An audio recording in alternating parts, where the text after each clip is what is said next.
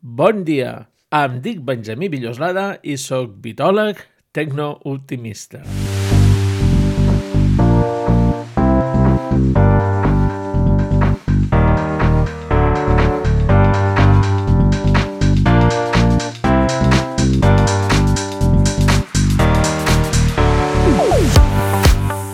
Benvinguts al segon capítol de la quarta temporada que varen gravar amb l'Oriol Rius el 20 de gener de 2022.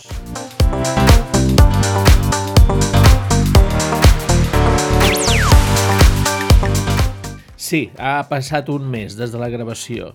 Per coincidències d'agenda, que no sé quan tornaran a repetir-se, entre desembre i gener vaig gravar quatre capítols i em va semblar que ocuparia massa la vostra llista de capítols pendents d'escoltar i ho he dosificat. Coses meves, per no atabalar.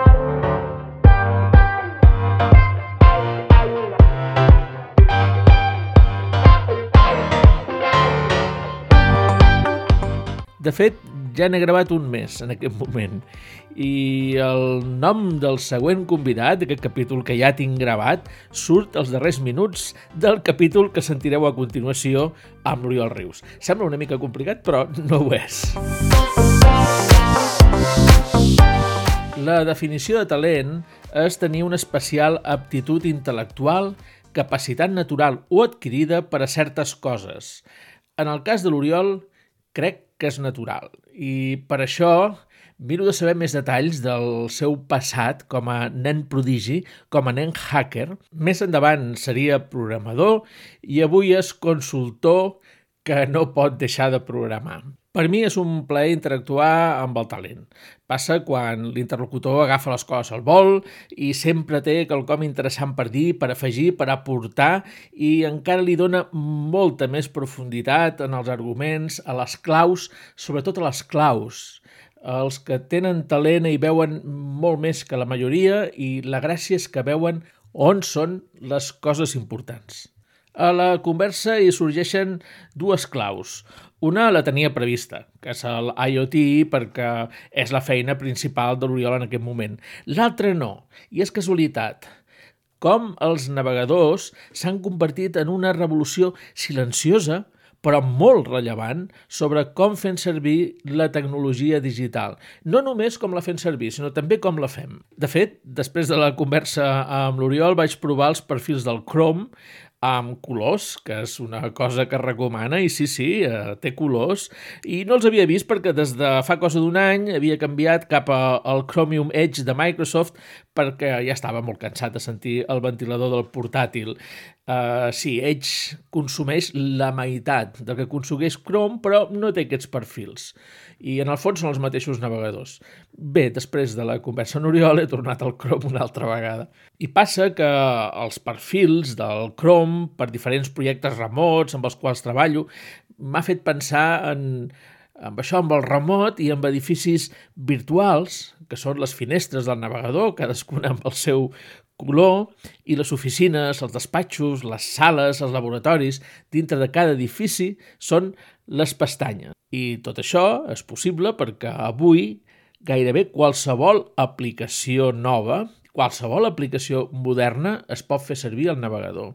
I aquesta ha estat una revolució que ha passat i no li hem dit ni web 2.5, ni 2.66, ni 2.95, no, ni tampoc web 3, que és una altra de les coses que també parlem una mica amb l'Oriol. A continuació, el segon capítol de la quarta temporada amb l'Oriol Rius, que l'he titulat La importància del talent tot i que no recordo si el concepte hi surt en el, la conversa. I si és que no, passa que ho notareu a l'ambient gairebé tota l'estona, perquè per veure les claus ens cal molt més talent com el que té l'Oriol. Moltes gràcies per escoltar-nos. Una història xula, perquè és cuando ya no quieres hacer más una cosa, vas i la vuelves a hacer, però com que has après algo, la vaig vendre prou ràpid. Abans de liar-me més la manta al cap, ho vaig vendre. Vaig desenvolupar un producte de software que es diu Polex, eh, que és molt relacionat amb temes de streaming i bàsicament és de guia de l'atenció de la persona que està atenent a un event online. I, eh, bueno, una idea bastant innovadora en alguns aspectes i eh, que jo dic, hòstia, estic repetint el patró. Més client, no sé què, no sé quantos. Dic, què fas, tio, què fas? I llavors vaig vendre-ho. I, I bé, bé, bueno, no és que vagi fer una fortuna perquè era vendre-ho, diguem-ne, en un moment molt inicial, però com a mínim, doncs mira, eh, net un benefici sense haver d'aguantar el patiment que suposa aixecar una idea, que ja ho he fet moltes vegades. No? D'això volia parlar amb tu, perquè no hi ha gaire consultors que mm. hagin abans fet executat les coses per les quals després fan de, de consultor. Hi ha molta gent que t'explica ara, per mm. exemple, què és el web 3.0, te diu Ostres. que li agrada, que no li agrada, te diu que és el metavers, ja te diu que no li agrada, Sí, sí, I, I no s'ha creat, però ells ja saben que no els agrada. És, és, normalment és gent a qui no els hi coneixes cap uh, producte digital rellevant ni tampoc irrellevant. No, no, no és fàcil trobar-los i un portfolio. I clar, no saben les feinades que significa treure i surar un producte digital que abans que ni tan sols eh, existeixi, perquè la web 3.0 és una declaració d'intencions i no existeix, mm, sí, sí. no pot ser que vagis dient pel món que no t'agrada i si ho fas és perquè mai has fet res i llavors no saps que el producte, fins que no el presentes, una versió beta, diguéssim, no saps com ho agafarà la, la ciutadania, els correcte, usuaris, correcte. ni saps després com, com funcionarà. I després d'aquesta llarga xerrada, me n'adono que encara no t'he saludat oficialment. Molt bon dia, Oriol Rius. Molt bon dia, Benjaví Villoslada. Un plaer estar aquí amb tu. Un plaer. Moltes gràcies per haver volgut tenir una xerrada que serà segur molt interessant perquè eh, és el que estava dient ara. Tu ets consultor, uh mhm. -huh. Però has executat i continues encara programant i executant sí. coses. Que no ho diguis en veu alta, que llavors em volen contractar per coses d'aquestes i jo no vull, eh? Sí, ara, ara van molt cercats els developers i estan molt ben pagats, eh? Poder sí, sí. Que, aquest és el problema, que llavors m'engresco. I ara en remot pots treballar un sènior amb molta experiència en Estats Units, eh, pots tenir mm. un salari de sis xifres que diuen allà. Sí, sí, sí. Bueno, mm, puc parlar de que ho he viscut, tot i que, tot i que també he de dir que me'l pagava jo. Va. Vull dir que els productes Però, que feies et permetien tenir un salari interessant. Sí, tenia un salari de CTO a nivell europeu, no a nivell espanyol. Diguem Hi ha una ja diferència, no és eh? Estats Units, no és Estats Units, però té les sis xifres amb zeros que tu dius, no? que ja fa il·lusió. Uh -huh. Doncs, escolta, és que et vull compartir un aprenentatge d'una cosa que has dit, uh, perquè jo, jo vaig començar a programar de molt petitó, i després, up, deixa'm saltar fins a la universitat, i i de les primeres coses per les que, diguem-ne, vaig començar a ser conegut fora del poble eh, van ser per temes relacionats amb el hacking i seguretat informàtica, vaig guanyar alguns concursos, alguns calarons, etc. No? De fet, el meu primer viatge al Carib el va pagar un concurs de seguretat informàtica organitzat per un banc que ja no existeix, que es diu Unoe, que era la banca online del BBVA, no sé si ho recordaràs. I tant, i tenia compte. Eh? Ah, que, sí, per doncs, cert, si ha desaparegut, deu estar per algun racó de l'Unoe i poder algun dia me reclamen, vés a saber quan, quantes despeses, perquè això passa. No, que, que sàpigues que les condicions de compte d'Unoe van saltar directament a BBVA, per tant, ara, sense saber-ho, tens una compte BBVA online amb les mateixes condicions que tenies a Unoe, o gairebé les mateixes condicions que tenies a Unoe, per experiència. I, doncs pues mira, 200.000 pessetes va, vaig guanyar en aquell concurs. Eh, ah, de no, hacking, ja, ja està... Hacking defensiu. Està bé. Hacking defensiu, sí.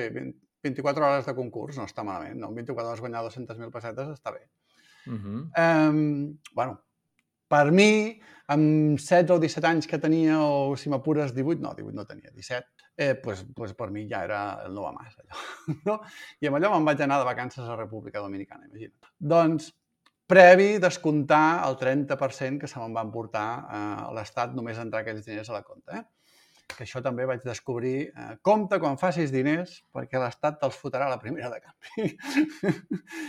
Clar, les lliçons de quan ets massa jove, no? Bé, doncs l'aprenentatge.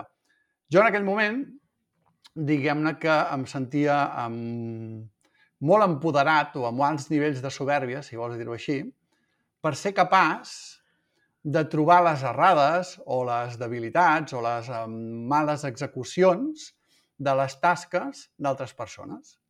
No? Pues d'un programador, d'un administrador de sistemes, no sé, pues, això d'agafar a nivell administrador en 300 servidors d'una universitat de l'altra punta del món, per no donar més detalls, doncs et fa sentir com molt empoderat. No?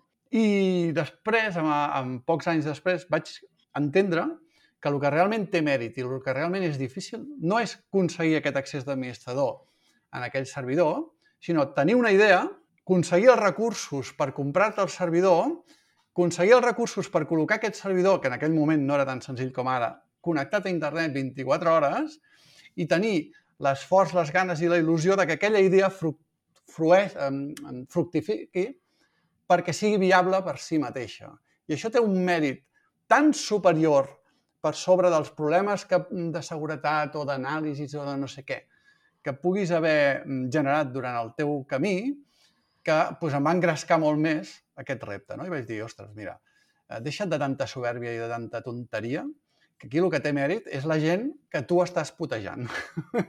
vale? Que jo els deia, no, jo no t'estic putejant perquè et contacto i t'ajudo i t'explico. Sí, no, deixa't d'hòsties. Era hacking ètic el teu, no? Sí, bueno, és la il·lusió que tenia. Bé, si, si paguen 1.200 euros d'ara i a més sí. uh, hi ha impostos, és que ara, ara els hackers cobren en bitcoins. Sí, sí, sí, llavors, llavors no ho teníem.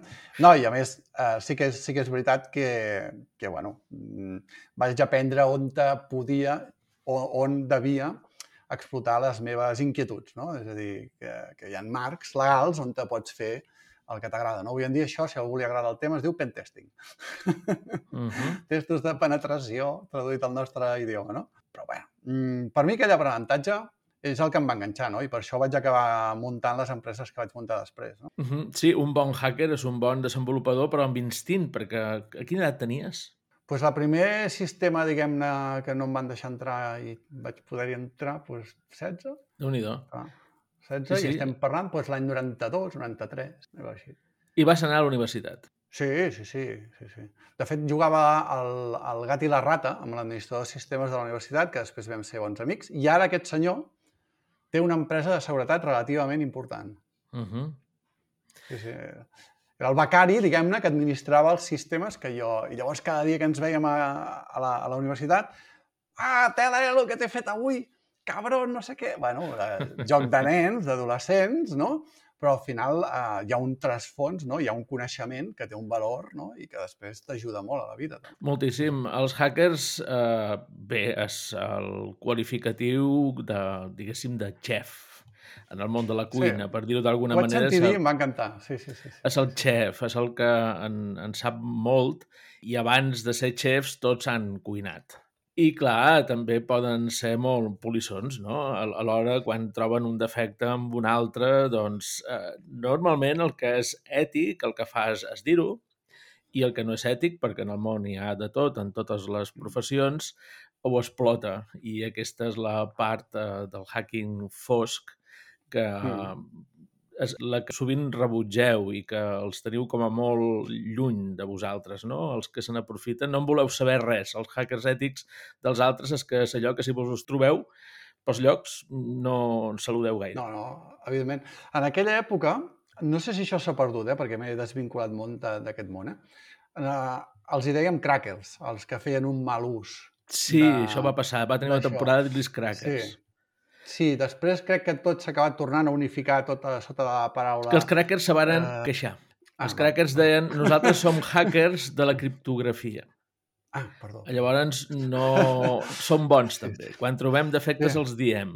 No, no feieu que la paraula estigui demonitzada, no? Nosaltres, clar, els clar, crackers, clar, clar, també clar. tenien el seu orgull i per això sí. es va anar perdent dir cracker. Te'n recordaràs, perquè aquella època l'has viscuda, que ens trobàvem tots en una xarxa de xat que es deia IRC Hispano.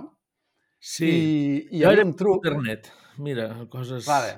ja, bueno, de cadascú. Aquesta ja era la sèrie, aquesta era la sèrie. Jo parlo, diguem, la domèstica, no? Sí. Eh, però, però hi havia un truc molt interessant, perquè, clar, al final, diguem, la forma despòtica que teníem els que coneixíem coses de referir-nos als que diguem-ne, els que no hi entenien gaire, però s'hi volien posar, els hi dèiem eh, script kiddies, no? Sí. que al final eren els que trobaven informacions a pàgines i sense entendre massa bé què feia aquell codi se'l descarregaven i l'executaven a veure si aconseguien fer alguna malifeta sense entendre realment què estaven fent. Doncs hi havia un truc perquè si tu a l'IRC Hispano volies a parlar de hacking, no havies d'anar al canal de hackers, havies d'anar al canal de freaking. No sé si ho coneixies, això. El freaking no era en PH, no? Correcte. Era de, amb telefonia, era el pre-hacking, quan, Molt bé. quan encara no hi havia grans xarxes d'ordinadors Correcte. que era divertit hackejar, diguéssim, doncs les màquines més grosses, a més mundials, eren les xarxes de telefonia i les centraletes Correcte. i de més. Correcte. Llavors, els freakers eren els que se dedicaven a hackejar la telefonia, trucar de franc i Correcte. canviar configuracions, amb això gaudíeu moltíssim. I el Doncs un Capitán truc. Crunch, que re Sí. recomano molt que cerquin el, el Sí. vídeo de la història del Capitán Crunch, Estats Units, va començar en el món del hacking amb la telefonia i se li deia Capitán Crunch perquè va descobrir que un silbat que duien uns cereals que es deien Capitán Crunch, si el, Correcte. si el fes sonar on hi havia cabines telefòniques, per exemple, en un aeroport, que hi havia moltes, molts telèfons Sí. seguits amb una paret, tots es penjaven. Tot- Tots penjaven. Llavors, aquí se va començar um, a investigar com funcionava uh, la telefonia amb el tema dels sons, varen Mhm. trobar com fer caixetes que fessin els sons que permetien hackejar les centraletes i els, la primera pasta que va fer a l'Steve Wozniak, que després seria Molt bé, molt bé. el soci Ben de lligat, Steve Jobs i fundaria Apple, la primer mm, eh, cèntim que va fer va ser fabricant aquestes caixetes a casa juntament amb el Capitán Crunch. El Capitán Crunch acaba a la presó i Mhm. Apple li encomana, perquè com són amics i té molt de temps a la presó, li encomana que faci un editor de text. I el primer editor de text que va tenir els macos d'aquella època estava programat pel Capitán Crunch. Són tots amics, coneguts. Aquella època del començament de Steve Jobs, Steve Wozniak, Capitán Crunch i Bill Gates, mm, i també eh, l'altre soci, que ara no me surt el, el nom, el Steve Ballmer, exacte. aquest grupet era un dels grupets pioners i tots estaven i es trobaven en un lloc que es deia Homebrew Computer Club. Molt el, bé. com, el uh, HCC, crec que era Homebrew Correcte. Computer Club, i allà és quan experimentaven amb els primers ordinadors, allà és- quan fan el ENIAC, és és que tot això no ens ho hem Mm, preparat, va mm, sorgint sí. sobre la marxa.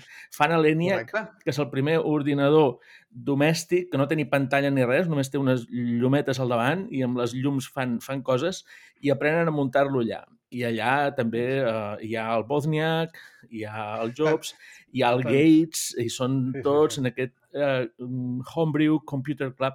Si voleu saber la història de la informàtica moderna, teniu Correcte. aquesta branca, la del Homebrew, i després teniu una altra, que és la de el, eh, ara ho diré, el nom, Douglas Engelbart, amb les interfícies gràfiques, els ratolins i les xarxes. Per un costat tenim el Homebrew, fent un tipus de- d'informàtica, per un altre tenim el Doug Engelbart, fent un altre tipus de- d'informàtica, i quan aquestes dues coses es junten, per fer-nos una idea, el Douglas Engelbart explota és l'inventor tot del això. ratolí, Sí, sí, sí. quan s'ajunta l'inventor del ratolí amb l'inventor de l'ordinador personal i de les xarxes de paquets, que és l'internet d'avui, eh, apareix la informàtica que hem tingut Mhm. fins ara, mm, que han aparegut els ordinadors de, de pantalla tàctil, diguéssim, i també a l'internet de les coses, que ens en parlaràs, perquè això també ho controles bastant bé. Doncs, és, a, a, veure, ens hem permès aquí fer una mica d'història, perquè ja tenim una T'haig edat. de- T'haig de dir dues coses que no puc evitar. Una és una cosa molt personal, que l'audiència dirà, bueno, a mi tant me fa, però és que necessito compartir-ho, perquè jo m'he comprat un cotxe 100% elèctric que es diu ENIAC.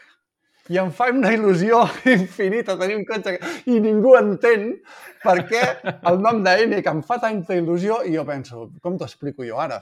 Com t'ho explico jo ara? L'ENIAC. Sí, és que és la prim... l'ordinador que dissenyen allà al Homebrew Computer Club acaba a la revista Popular Mechanics o Popular Electronics, mm. no me'n recordo, sí. que era una revista que en aquells anys, eh, estem parlant dels eh, 50-60, no?, Sí, mm -hmm. o, 70 ja. No, 70 uh, Les fotografies, 70, recordo, diria, pantalons sí. de campana. Deurien ser. Sí, és veritat, és veritat. Entre 60 i 70.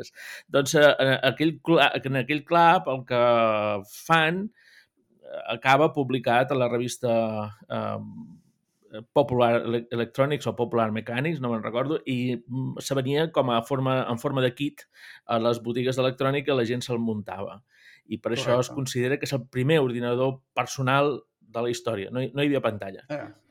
Llavors, l'altra cosa que et volia compartir és un tema de revistes, perquè igual que has recomanat tu la, la, la història del Captain Crunch, hi ha una revista que ha arribat fins als nostres dies, que és Wired, no? que sí. no, no va néixer molt després o per aquella època, no t'ho sabria dir ara exacte, perquè estic parlant de memòria, i l'altra era una revista que es deia 2600 Ersos, que era la freqüència, la que pitava el, el pito del Captain Crunch que explicaves tu abans i que provocava aquell efecte en les cabines telefòniques.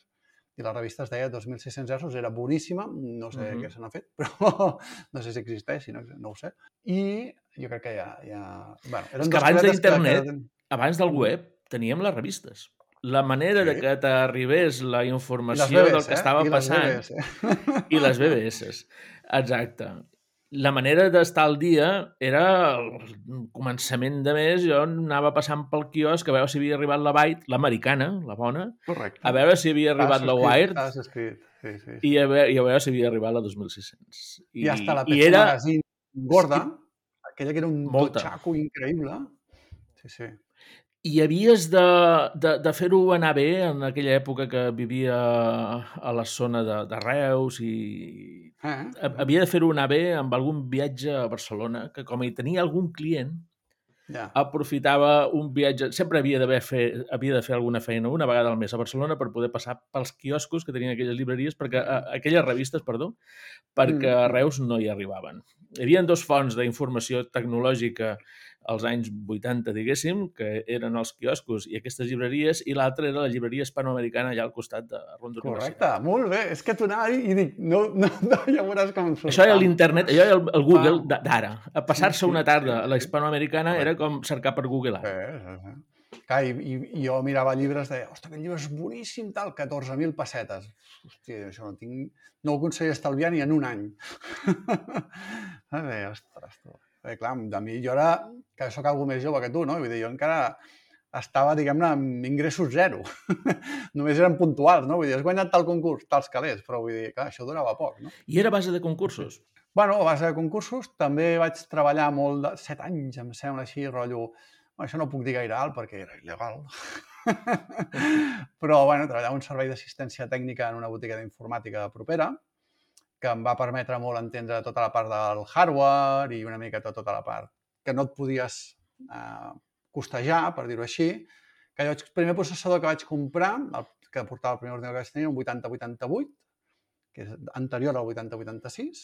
Del 8088 ja vaig saltar a 286 i llavors 386 SX, 386 DX, tota, tota, la, tota la saga els he tingut tots. La diferència d'edat entre tu i jo està en que vaig començar amb el Z80. Jo, havia, jo demanava el Z80, igual que demanava molts altres, ¿vale? però va ser... Eh, o sigui, jo quan vaig començar a programar no tenia ordinador, va ser a, través, a través d'un, jo podria dir, accident. La meva mare em va enviar uns campaments d'informàtica... Deixa'm començar la història pel, pel principi, perquè és molt xula. El meu pare va morir quan jo tenia 9 anys i el meu pare era artista, era pintor, escultor, ferrer de professió per guanyar-se el pa, però, diguem, invertia tot el temps que podia pues, fent d'artista. I em deia, les màquines atonten a les persones. Aquesta casa no entrarà un ordinador fins que jo em mori. Com us deia, va, vaig tenir la mala llet no, de que va morir amb 9 anys, però aquell mateix any jo vaig començar a programar. O sigui, ma mare, clar, estava sola amb dos nens, eh, un de 9, l'altre de 6, doncs no tenia temps i a la, cada cop que trobava una excusa doncs ens enviava un fos perquè ella pogués tirar endavant la casa. No?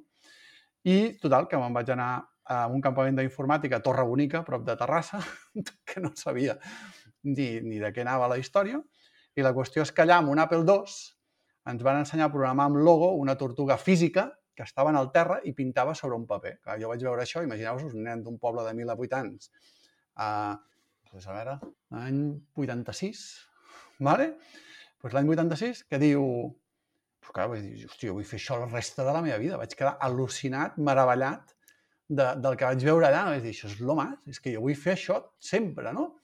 Llavors, per culpa meva, a l'escola on jo estudiava, que no érem ni 100 alumnes, eh, imagineu-vos la miniescola de què us parlo, la directora va demanar que unes persones vinguessin una vegada a la setmana amb uns ordinadors carregats al maletero, que eren uns Epson, amb un processor de 80-86, i ens ensenyessin a programar en Basic.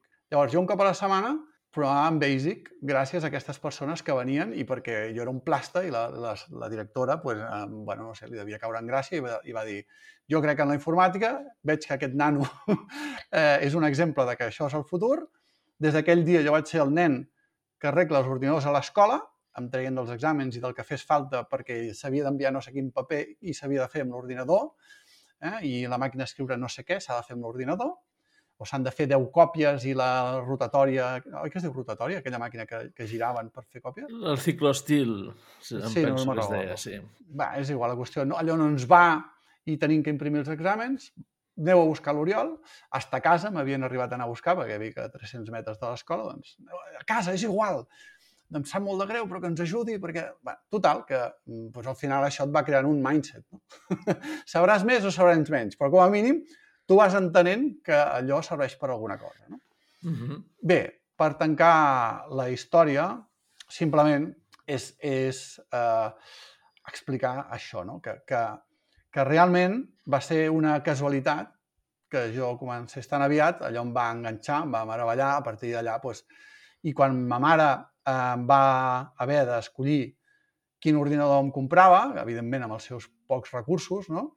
doncs va anar a visitar un cosí que tenia ordinador, perquè llavors clar, qui tenia ordinador era raro, no? i li va explicar la meva història amb el meu cosí. El meu cosí va veure com jo feia anar el seu Am- Amstrad CPC i va dir, hòstia, aquest nen és l'hòstia, o sigui, aquest xaval li passa alguna cosa. I va dir, no, no, anem-nos al port de Barcelona i li comprem un Inves de 300.000 pessetes, que jo no sé la pobra mare meva com va treure 300.000 pessetes aquella època, jo doncs, allò ja tindria 10, 11 anys, i, i allò doncs, va ser ja la meva perdició. La meva, o sigui, jo sempre he fet esport, perquè aquí on a la meva zona juguem a hockey patins, i fins que vaig anar a la universitat vaig jugar a hockey patins, però jo des del dia que va entrar un ordinador a casa meva, tot el meu temps disponible era amb l'ordinador. Eh? O sigui, quan ja havia fet els deures, parat la taula, eh, no sé, el que sigui, ordinador. I no deien que estaves enganxat. Ah, com ara que el problema Mm. de les pantalles. Eh, tothom està molt amoïnat amb les pantalles. Que dic, per què es parla de les pantalles i no es parla de la cel·lulosa del paper? Sí. Doncs sí, sí, no, no, to totalment. Per això, i ara farem un spoiler. Et sembla bé que fem un spoiler de, de la meva TED? Vinga. Perquè, perquè jo tinc... Fa dos anys que s'està mm, canviant la data de la, de la TED que tinc preparada per culpa de- d'aquesta cosa que no cal que em refereixi perquè tothom sap de què parlo, no? Espera, que i aquest podcast podrà escoltar d'aquí... Eh, Bueno, és igual, doncs, eh? Pandèmia aquesta, pandèmia, context, pandèmia de la ja Covid. està, ja ho hem sí, dit, ara no? ho, de, ho deixem... Ah, això ara ho posarem en una ja càpsula, està. ho enviarem als, a al l'espai. 2500, que ningú li importarà. Però, uh, doncs, doncs, aquesta xerrada, el que jo els intento dir és, quan ningú sabia el que era la informàtica, jo ja tenia els problemes socials que tenen els joves d'avui en dia. Ja em passava nits senceres sense dormir al xat, vale? i no tenia internet, i no tenia mòdem, però ja em passava nits senceres enganxat al xat. Vale? No ens posarem ara a explicar coses tècniques que avorreixin molt a l'audiència, però bàsicament parlem de connectar antenes a emissores de radioaficionat per tal de que dos ordinadors es connectin de forma digital. No? I amb això jo havia anat, com a mínim, a quatre exàmens de literatura catalana sense dormir a segon de BUP, vale? perquè he estat tota la nit xatejant amb un eh, enginyer de telecomunicacions de Mallorca, que, tal qual, eh? Uh, que m'ha explicat com fer no sé què, no sé quantos... Perquè és el que just tu i jo dèiem abans, no? que l'accés a la informació l'accés a la informació era molt complexa i quan trobaves algú que sabia fer alguna que tu no sabies fer, allò era or. Allò era or i era la teva única manera d'arribar a aquell coneixement. No? Sí, per sí. tant, la xarxa que construïes ja de contactes t'ajudava moltíssim bé. I que la gent que hi havia a l'altre costat eh, d'aquestes xarxes era gent experimentada o hackers, gent clar. molt curiosa amb una Clar, clar, habilitat no, no excepcional tothom... com tu. Eh, així que era un festival. Senyors de 50 anys, majoritàriament, 40 i picos, 50 anys, la 99% enginyers de telecomunicacions, doncs imagineu-vos, amb un nano que estava cursant segon de BUP, tercer de BUP, COU, que suspenia tot el que se li posava per davant perquè totes les hores les invertia en aprendre tot això, en soldar xips quan no sabia ni agafar un soldador, vale? a programar EPROMs quan no sabia ni la paraula EPROM. No? Jo vaig fer una, una, una implementació de l'estack de TCP/IP sobre d'un protocol que poca gent sabrà de què parlo, AX25. Potser, això potser si mai ho arribés a sentir en Tomàs del Mossegui la Poma, oi que es diu Tomàs Manzanares? Sí, en... Doncs, doncs en potser Tomàs i en de, Marc de parlo. Doncs jo crec que en Tomàs entendria de què li parlo, no? O sigui, vaig fer una implementació dintre d'una EPROM de l'estack de TCP/IP sobre d'un altre protocol que fèiem servir nosaltres per connectar aquestes emissores de ràdio, no?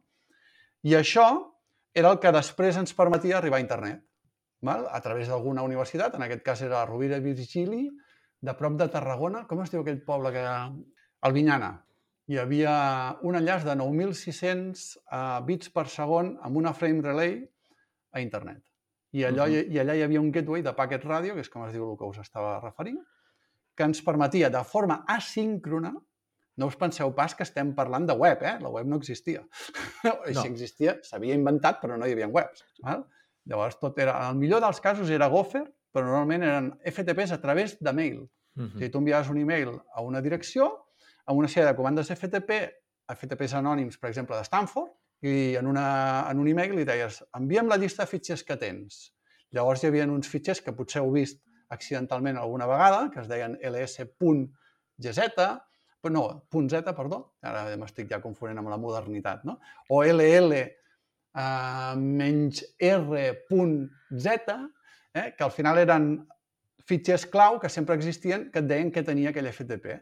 I a partir d'aquí Mhm. doncs, hi havia moltíssima documentació doncs, per aprendre a fer coses que no tenies altra forma de, de conèixer. Que ni la hispanoamericana tenia un llibre que t'ho expliqui. Sí, sí. I clar, jo suspenia anglès i en canvi tenia la motxilla plena de llibres en anglès que seguia per aprendre, per exemple, a programar ensamblador de x86. I quan la professora d'anglès em suspenia, jo li deia, em és absolutament igual que em suspenguis, jo estic llegint tots aquests milers de pàgines en anglès, me n'estic en sortint i tu no m'estàs ajudant. És a dir, però no com a, com a venjança, sinó com dient, el teu anglès no sé per què serveix, però a mi no em serveix. Clar, el Hello Mary, would you like to go to the cinema? Mm, M'és igual. Entens? Necessito que m'ensenyis altres coses. My Taylor is rich. Exacte. Sí, aquesta història em recorda amb altres històries que també eh, hem viscut. Tinc un fill que és hacker, també va penjar anglès. Bé, eh, no, no, no explicarem la història perquè ens allargaríem una mica massa, però, Però vos, heu de, vos heu de conèixer. Aquí, aquí ho Segur. deixo, vos heu de conèixer Segur amb que sí. l'Arnau. Bé, fem un salt amb el temps, Benjamí, fem un salt amb el temps. Els hi expliquem a l'audiència alguna cosa interessant. Això... No, posar context a, les coses té molta importància i tot això que hem dit ha sortit que te digués abans que tu ets consultor ara, no programes tant, però un consultor en el qual se li coneixen productes amb la qual cosa el dia que tu parlis de, de, de coses que pots eh, aconsellar com a consultor, que els consultors no són mentors, els mentors fan preguntes obertes, els consultors te diuen directament fes això, Correcte.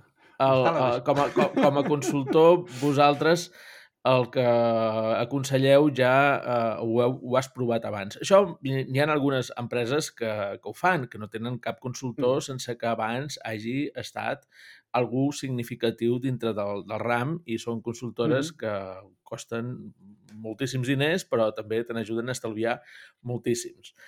I després hi ha tot un munt de gent que en aquests moments està discutint allò que dèiem abans, eh, el metavers si li agrada o no li agrada, i, i ja estan dient què és abans que surti, i tots els consultors que Mhm. han fet coses abans saben que no, que abans de que surti No. no, se sap absolutament res de les coses, com, Sí, sí, com seran, com les utilitzarem, per què les utilitzarem, amb a quin entorn, tot això són misteris que segurament seran molt divertits i amb els quals també hi, hi treballaràs perquè ja estàs en coses com l'IoT, que tampoc mm -hmm. se'n veu gaire d'internet de les coses al nostre voltant. És, és curiós que no es vegi i en tenim tant al voltant, no? És curiós. Aquí, aquí. es parla del metavers, que no existeix, però no es parla de l'IoT, que estem, estem envoltats i ningú ho veu. Uh, són sí, curiositats sí, sí, uh, sí. que s'atenen entre el que és teoritzar i el que és executar, no? Sí. De què vols parlar? De l'IoT? Mira, no, jo, jo vull parlar-te d'una definició d'IoT que a mi m'agrada molt i crec que, que tu és possible que consideris adoptar-la perquè és molt alineada amb la teva definició de bitòleg. Val? Uh, no, no vull ser pretensiós, simplement el que vull dir és que per mi l'IoT és la sensorització de la computació. Perdó, perdó. Quan dic, I quan dic sensorització ho dic en el sentit humanista. Eh? És a dir, donar-li sentits, eh? sentits com els que tenim les persones, els cinc sentits que tenim la persona, teòricament, eh? doncs donar-li aquests cinc sentits a la computació. Eh? És a dir, que, que pugui veure, que pugui tocar, que, que pugui olorar, que pugui escoltar... Eh? Eh, quin, quin em deixo? Parlar? Eh, no, parlar no és un sentit. Eh, ara, perdoneu. Eh, el, el paladar. M'he deixat Uh, per això, que tingui gust. El nas... Sí, mm. sí el nas l'he dit, el olfacte l'he dit, però el paladar no. Bé, però és igual, tothom sap els cinc sentits més enllà de la meva ignorància profunda. vale? Llavors, a l'IoT, jo tingut la sort aquests últims quatre anys de poder donar moltes formacions uh, sobre aquest tema i això t'ajuda a aprendre molt, perquè quan et penses que saps alguna cosa, no, no hi ha res millor que ensenyar-ho per adonar-te'n que no en tens ni idea, no? i al haver-ho pogut fer moltes vegades durant quatre anys m'ha permès, diguem-ne, anar buscant les meves definicions que em servissin per la meva mare i que em servissin, que aquesta és la, el principal filtre, això em sembla que alguna vegada també heu dit vosaltres aquí, no? I, i estic molt d'acord, no? És a dir, quan no saps explicar les coses perquè les entengui la teva mare, no les saps. I, i dir-li, doncs mira, veus aquest ordinador que estava aïllat, al qual només tenia essencialment dos perifèrics d'entrada i sortida, no? un teclat perquè jo li digui coses i una pantalla perquè ell me les torni. No, el ratolí és un tercer, va, doncs un ratolí també, però és igual, ja ens hem entès. Eh, doncs, escolta, a l'IoT donem-li més sentits. Eh? I al final, la tendència de les interfícies és a integrar-se cada vegada més amb els humans. Eh? És a fer, a, a unir-se cada cop més no? amb les persones. De forma que l'ordinador, la computadora, la capacitat de computació sigui més natural amb la naturalesa humana. No? És a dir, això que hem vist en tantes pel·lícules, no? m'integro un xip i tinc més memòria, o m'integro un xip i ara puc escoltar el que abans no podia escoltar. Vale, doncs aquest concepte de cyborg tan xulo del cyberpunk eh, és un concepte que jo crec que ja s'ha escapat de la moda cyberpunk, que lamentablement s'ha quedat molt, molt apagada, però jo crec que que és més vigent que mai i que és un horitzó més proper i més eh, del dia a dia actualment del que ens podem imaginar. I un cas és d'això no sé quants anys fa, però hi havia una discoteca a Barcelona que per fer el control d'accés t'insertava un petit xip que era com una piga a, a la dermis, a la part superior de, de la pell. No? I, i clar, jo vaig al·lucinar, vaig dir, hòstia, això és allò era com un símbol d'exclusivitat, no? Però bueno, és igual, ja són passos que van en aquesta direcció, no? Al final, el que jo estic intentant dir és que no té sentit que perquè jo em relacioni, o sigui, les altes capacitats que a mi em dona com a humà una computadora, no té sentit que perquè jo em relacioni amb elles tingui que portar a la butxaca un ordinador de butxaca que li diem telèfon mòbil i em relacioni amb ell a través de només la meva veu, només els meus dits i només pugui percebre a través de les meves orelles o a través d'una pantalla el que em vulgui dir. Ho trobo molt limitat, perquè jo tinc més sentits, no? I llavors sempre he estat molt fan de llegir tot el que he pogut, de connectar cervells entre si. Perquè jo crec que això, no sé si ho arribaré a veure, però crec que és el paradigma extrem al que acabarem anant a parar. No? És a dir, jo crec que naixerem i ens insertaran algun tipus d'instrument, en algun moment del procés evolutiu, no sé si quan siguem feto o quan sortim de la, de la mare, no ho sé, val? però eh, jo crec que l'extrem màxim és que, que, anem, que els cervells estiguin connectats, que jo no tingui que descriure't la meva idea, que te la pugui connectar directament i que els nostres cervells, pum, ja la, la comparteixin. Jo crec que això és el meu somni, eh? a mig llarg termini va per aquí. És el meu somni. Que no, no caldria el llenguatge verbal, eh, perquè ja tindrem Correcte. algú que està pensant en problemes de privadesa, que t'estan llegint el cervell. Correcte. Què és l'IoT? El pas intermig, no? És a dir, l'escala evolutiva actual abans d'arribar a aquests nivells d'integració extrems. Per tant, què ens permet l'IoT? Doncs que objectes de la nostra vida quotidiana, sigui la que sigui, dins de l'oficina, dins de l'empresa, dins de casa, quan anem pel carrer, quan estem en una ciutat, a mi em fa molta gràcia, no fa molt temps una persona em diu, es dedica a les Smart Cities, aquesta persona em diu, és que jo no crec en l'IoT. Dic, hòstia, doncs és curiós que et guanyis la vida a través d'un dels sectors de negoci de l'IoT. Sí. I diu, home, jo em dedico a les Smart Cities, no a l'IoT. Dic, i què et penses que és Smart Cities, sinó un sector? Per cert, si algú està interessat en això, uh -huh. Benjamí, podríem posar a les notes del programa una cosa que m'ha costat molt de temps trobar, que és un enllaç d'una web interactiva, Vinga. la qual et permet navegar per tots els sectors de l'IoT. I jo crec que aquest és el, la virtut i el defecte de l'IoT. És a dir, com dèiem abans, sembla que l'IoT no tingui tracció, res més lluny de la realitat, sinó que l'IoT doncs, ja ha passat el mateix que li està passant al Betavers ara. No? Pues que en un moment donat va ser hype, la gent va començar a dir bajanades i després havia de donar explicacions a tota una sèrie d'analistes que havien dit bajanades. I, evidentment, com tot el que hi ha a la vida, segueix el seu curs que té poc a veure amb les bajanades que s'havien dit. No? Molt bé. Acabes d'explicar el Web 3.0 i el metavers explicant el, el que ha passat en l'IoT. Ja, ja no cal que parlem d'aquest tema. Les borro de les meves notes de coses que te volia preguntar perquè ja el podem donar per arxivat. Va, sí, és una cosa recurrent amb els primers podcasts d'aquest any. Uh, Dir-li sí. a, a, qui, amb qui parlem, a veure com, si és tècnic, clar, va passar amb el Marc Alier al podcast anterior, també sí, el van definir d'una forma indirecta. Correcte. Sí, preguntar què és el Web3 i què és el metavers, eh, en riurem, riurem bastant aquest 2022 perquè sí. és, és, és, eh, és com el web 2.0, no? Quan eh, ens varen dir que Meneame era un lloc 2.0, dius, ai, mira, doncs poder sí, no? Gràcia, Nosaltres simplement estaven seguint, estaven seguint la lògica. La lògica de com ha de ser un lloc d'internet. No, sí, sí. no vàrem dir ara farem un lloc 2.0, com no. sí que havia dit una munió de consultors, entre cometes, abans que Correcte. nosaltres. Però això que has dit té molt sentit, eh? I, i ho hem de tocar, també, perquè un dels meus grans errors, que m'ha costat molts anys d'entendre, és que com a tecnòleg, jo primer ficava la tecnologia i després buscava on aplicava. I una mica l'aprenentatge és al revés, no? És dir, a veure, uh, quin és el problema que vols resoldre, quines són les solucions uh, que has validat que tenen sentit aplicar i després ja veurem quines tecnologies hi apliquem per, eh, digue-li, automatitzar o digue-li fer el que sigui amb, amb el que estem parlant, no? Però, clar, jo sempre ho he fet al revés. Llavors, això porta molt patiment associat. És una feina dels CTOs. Preguntar-li amb els desenvolupadors, en tot això que proposes tan complexa, quin problema real resolem? I llavors es fa aquell eh, soroll de grins, cric, cric, cric, cric, cric, cric, cric, perquè doncs, el plaer o el gust del desenvolupador i la tendència que té és, és a fer una virgueria. Correcte. Tecnologia per tecnologia, no? I al final no. La tecnologia és com els diners, eh? És un medi i, i per molt que jo hi disfruti, haig d'entendre que és un medi, eh?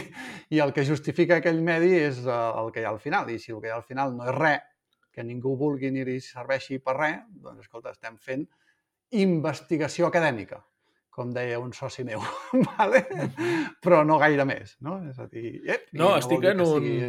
en un projecte que llegeixo molts papers científics per, que serveixen per validar la nostra idea, però veus que tal com els han fet en el laboratori i tal com els han eh, redactat i l'equipament que tens, allò no es pot portar en el món real. Ah, és massa perfecte és massa rodó. En el món Correcte. real és bastant més complex. Llavors, aquell paper aplicat en el món real no serveix, però el concepte, la idea i saber que allò funcionarà, però amb moltes més dificultats, eh, t'anima a continuar amb el Correcte. teu projecte. Correcte. Sí, sí, sí, sí. De fet, de fet eh, bueno, això és un dels grans motius per lligar amb el que havíem començat a dir a l'inici, pels que a mi, diguem-ne, de seguida vaig tenir desafecció pel món acadèmic. No? És a dir, oh, escolta, per què no fas la superior? Per què no fas un doctorat? bueno, mm, segurament tot ha canviat molt, no? Però en aquell moment jo no veia que el que a mi m'estava passant a l'empresa, el que jo estava aprenent a la universitat m'estigués ajudant. Una altra cosa és els contactes que estava fent si m'estaven ajudant. Això molt, molt. Vale? Però el contingut i la forma d'explicar-me o de traspassar-me el coneixement no hi havia una correlació. És a dir, semblava inversemblant que jo estigués estudiant eh, telemàtica i que, el, eh, que tingués un, un negoci on havia d'aplicar telemàtica i no hi hagués coneixement que pogués traspassar. No? Semblava impossible que passés això. bueno, mm, mm -hmm. Això, doncs clar, molta gent fa doctorats de coses que després els llegeixes, no? I dius, escolta, és superinteressant, però ara que s'ha acabat l'exercici acadèmic no acabo d'entendre quina era la necessitat de fer aquest esforç. Eh, bueno, Molt bé. Mm, bé, llavors, tornem a empalmar amb Internet of Things. Sí, la definició que has fet ara. és molt, molt bona. M'agrada moltíssim i, de fet, algun cop l'havia utilitzat i, ah, i uh, la, la, la tenia validada també amb el Rafael Jordà, que ah, té l'empresa open-space.com, sí. basada sí, sí, a Londres. Sí, Ell és mallorquí, de Maria de la Salut, i va, anar, va migrar a, a Londres i, i ell em, em deia que amb els satèl·lits, que en el fons és IoT, mm -hmm. els, els sí, satèl·lits sí, aquests sí. que són com un cub, són molt petits Totalment. i econòmics de portar sí. cap a dalt, que els podrà portar qualsevol empresa cap a dalt, ells toquen el territori el toquen, el veuen, l'ensumen, el, el llepen uh, per veure el sabor sí, sí. que té, l'escolten. Escolten mm -hmm. el, la, la terra, el territori, les, els edificis, els llocs pels correcte. quals sí, sí. passen, el miren.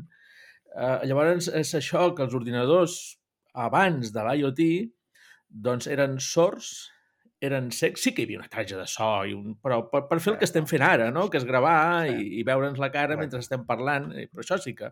Però no, no, hi, mm. no hi havia un tractament intel·ligent. Ara ja comença a haver software que llegeix el podcast i te'l, i te'l passa test, però no en totes les llengües. A l'IoT ja comença eh, des del primer moment en què no fa coses simplement per, per fer-les i transmitir-les amb altres humans, sinó per sempre processar la dada. La qual cosa, Correcte. quan miren el territori, és per processar la informació, per recollir informació, quan l'ensumen, quan l'escolten. Llavors, els ordinadors que teníem fins ara, aquests del uh, Homebrew Computer Club i el, els... Uau, una altra vegada, no me'n recordo el nom, és un d'aquells ah, noms uh, Douglas, que se me'n va... Douglas... El Douglas, Douglas Engelbart. Exacte. I el Douglas Engelbart, aquest tipus de tecnologia que teníem fins ara, era sorda, era cega, era... El tema del nas, ara, amb la pandèmia, ho hem començat a dir, que no es deia abans, perquè hi ha gent que es queda amb anòsmia. Els ordinadors Ostres, tenien carai, anòsmia no la paraula. Sí. i tampoc tenien paladar. Mm -hmm. No sabien si una cosa era salada, era dolça, era agra. Ara sí. I tot Correcte. això en forma de dada per processar. Això significa que les biblioteques modernes sobre com és el món, que descrivien el món i amb la informació de, que es guardava a les biblioteques, la gent feia investigacions, ara la tenim en temps real. I que els Correcte. data centers, Correcte. els llocs on van a parar aquesta informació, són les noves biblioteques i el que a través d'APIs i a través de llenguatges informàtics siguin capaços de llegir-ho, eh, podran dir quina és la vida dels, dels coloms. No cal fer el llibre de la vida dels coloms a la ciutat, al centre de Barcelona. No. Amb Correcte. IoT Correcte. pots saber que avui, amb el fred que fa, i, o amb la calor, o amb el vent, on el que sigui, d'on ve el vent i les hores de llum, els coloms tenen un comportament poder diferent, no ho sé, d'un no, no, altre, altre moment, i és, i és un llibre que s'està fent constantment. No és algú que ho va observar o escriure i allò ho va depositar en una biblioteca.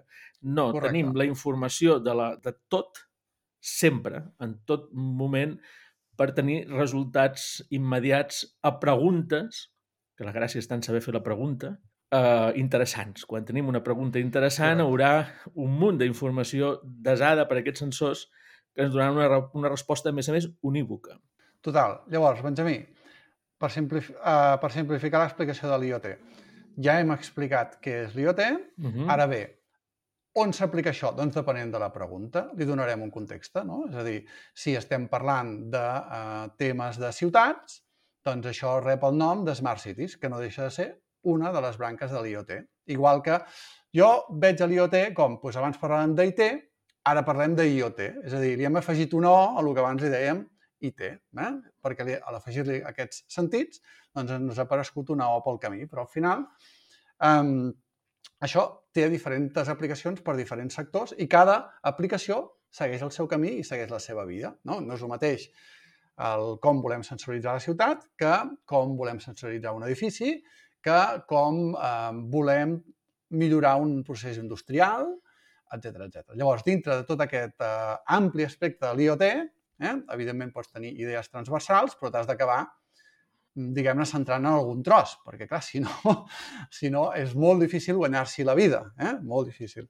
I, I, a més a més, no només guanyar-s'hi la vida, sinó aportar-hi un valor concret, palpable, que és pel qual eh, et pagaran i llavors t'hi guanyaràs la vida. No? Uh -huh. Doncs, eh, concretament, jo eh, on també he centrat és en la part d'Industrial Internet of Things, és a dir, eh, Internet, of, Internet de les coses industrial. Llavors hem tingut la sort que, que hi ha aparegut una, un nou hype, eh, que li diuen Indústria 4.0, que, tam, que també és molt interessant, és molt interessant perquè em permetràs que et doni dos uh, definicions curtíssimes de paraules que sonen molt avui en dia i que fins que no he trobat aquestes definicions em veia perdut i m'hi dedicava. És a dir, Deien, què és eh, indústria? Hòstia, no sé com explicar-t'ho. Ara entenc per què vols allò dels serveis connectats. Correcte. Llavors, eh, havent-ho d'explicar, no, el que dèiem abans, no havent de fer formacions, vaig haver de buscar definicions mm, com el de bitòleg, que m'encanten, no? Doncs coses curtetes, senzilles i que es puguin entendre. Si hi ha una indústria 4.0, una quarta revolució industrial, vol dir que hi va haver una tercera. Vale. Què ens va donar la tercera? i què arregla la quarta que no ens donava la tercera. Bé, la tercera era, eh, es pot explicar de mil maneres, però al final, obtenció de dades dels processos eh, industrials. Val? El fet de la introducció de la informàtica en el món industrial. Si vols dir-li automatització, dir-li com et doni la gana, però al final és tenim dades. Què és la quarta revolució industrial? Anem a donar sentit a aquestes dades. Què és la transformació digital? el pas de la 3 cap a la 4. Però compte, la transformació digital no és la 4, vale? sinó que és com jo salto d'un lloc a un altre. I quan ja he fet el salt, tinc una feinada encara dintre de la 4 per seguir donant sentit a les dades. No? Però bé, això t'ho explico per què? Perquè al final, quan estàvem parlant en aquesta tercera revolució industrial de que ja teníem una sèrie de dades, eh, el nivell de sensorització d'aquesta tercera revolució industrial era relativament limitat. És a dir, hi havia sensors, però només els mínims indispensables per arribar a l'objectiu que jo vull.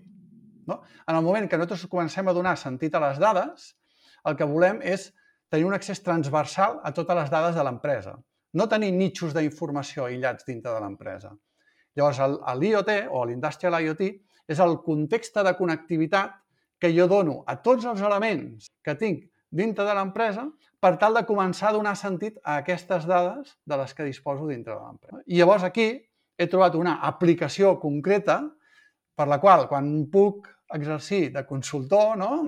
com estava fent abans de, de venir a, a parlar amb tu, doncs, ostres, et fa molta il·lusió perquè t'adones que amb molt poc esforç, amb molt poc canvi de mindset a la gent de tecnologia i sobretot a la gent de direcció, doncs eh, fan una, un creixement, un, un canvi de potencial, una reorientació espectacular. No? I això doncs, bueno, fa il·lusió. Llavors, què li passa a l'IoT avui en dia? Doncs que molts, moltes de les aplicacions que es van vaticinar com a canvis doncs, bueno, doncs quedat eh, coses més o menys difuses. Un exemple uh -huh. és que no, entrarem en una casa totalment domotitzada on tot serà fantàsticament meravellós i tu no faràs res. Bé, eh, bueno, algú hi ha d'això, hi ha moltes coses molt xules i molt interessants, i, i el que la killer application, no? l'aplicació que està trencant el gel i està permetent que tothom arribi a això, doncs són aquests assistents de veu que, que són tan controvertits. Doncs en la mesura que els assistents de veu deixin de ser controvertits i passin a ser algo essencial i necessari, no?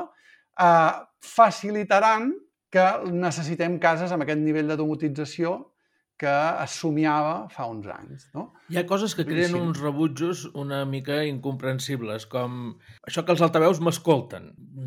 No hi ha tecnologia per processar les converses a tants de milions de persones simultàniament. Hm. La llei de Moore poder farà que d'aquí a 20 anys eh, hi sigui. Llavors ja en parlarem. Però ara mm. no. No cal que li donis voltes a coses que has vist a pel·lícules. Ara, en aquests moments, quan tu dius el que, la paraula, que no la diré perquè aquí davant justament tinc un Amazon i faria la seva, la seva feina i al darrere tinc el de Google i es faria l'altre, no, no en diré cap de les dues, sinó que hi hauria un festival de coses, Anna, perquè a més s'enfaden si després no els hi dius. Bé, no s'enfaden, te diuen, eh, que, mm, que em volies dir, no? I, I ens interromprien. Doncs bé, aquests, aquests aparells simplement necessiten, eh, tenen, eh, això sí, en el seu sistema local, un, un, un algoritme que entén la paraula clau per, per saltar.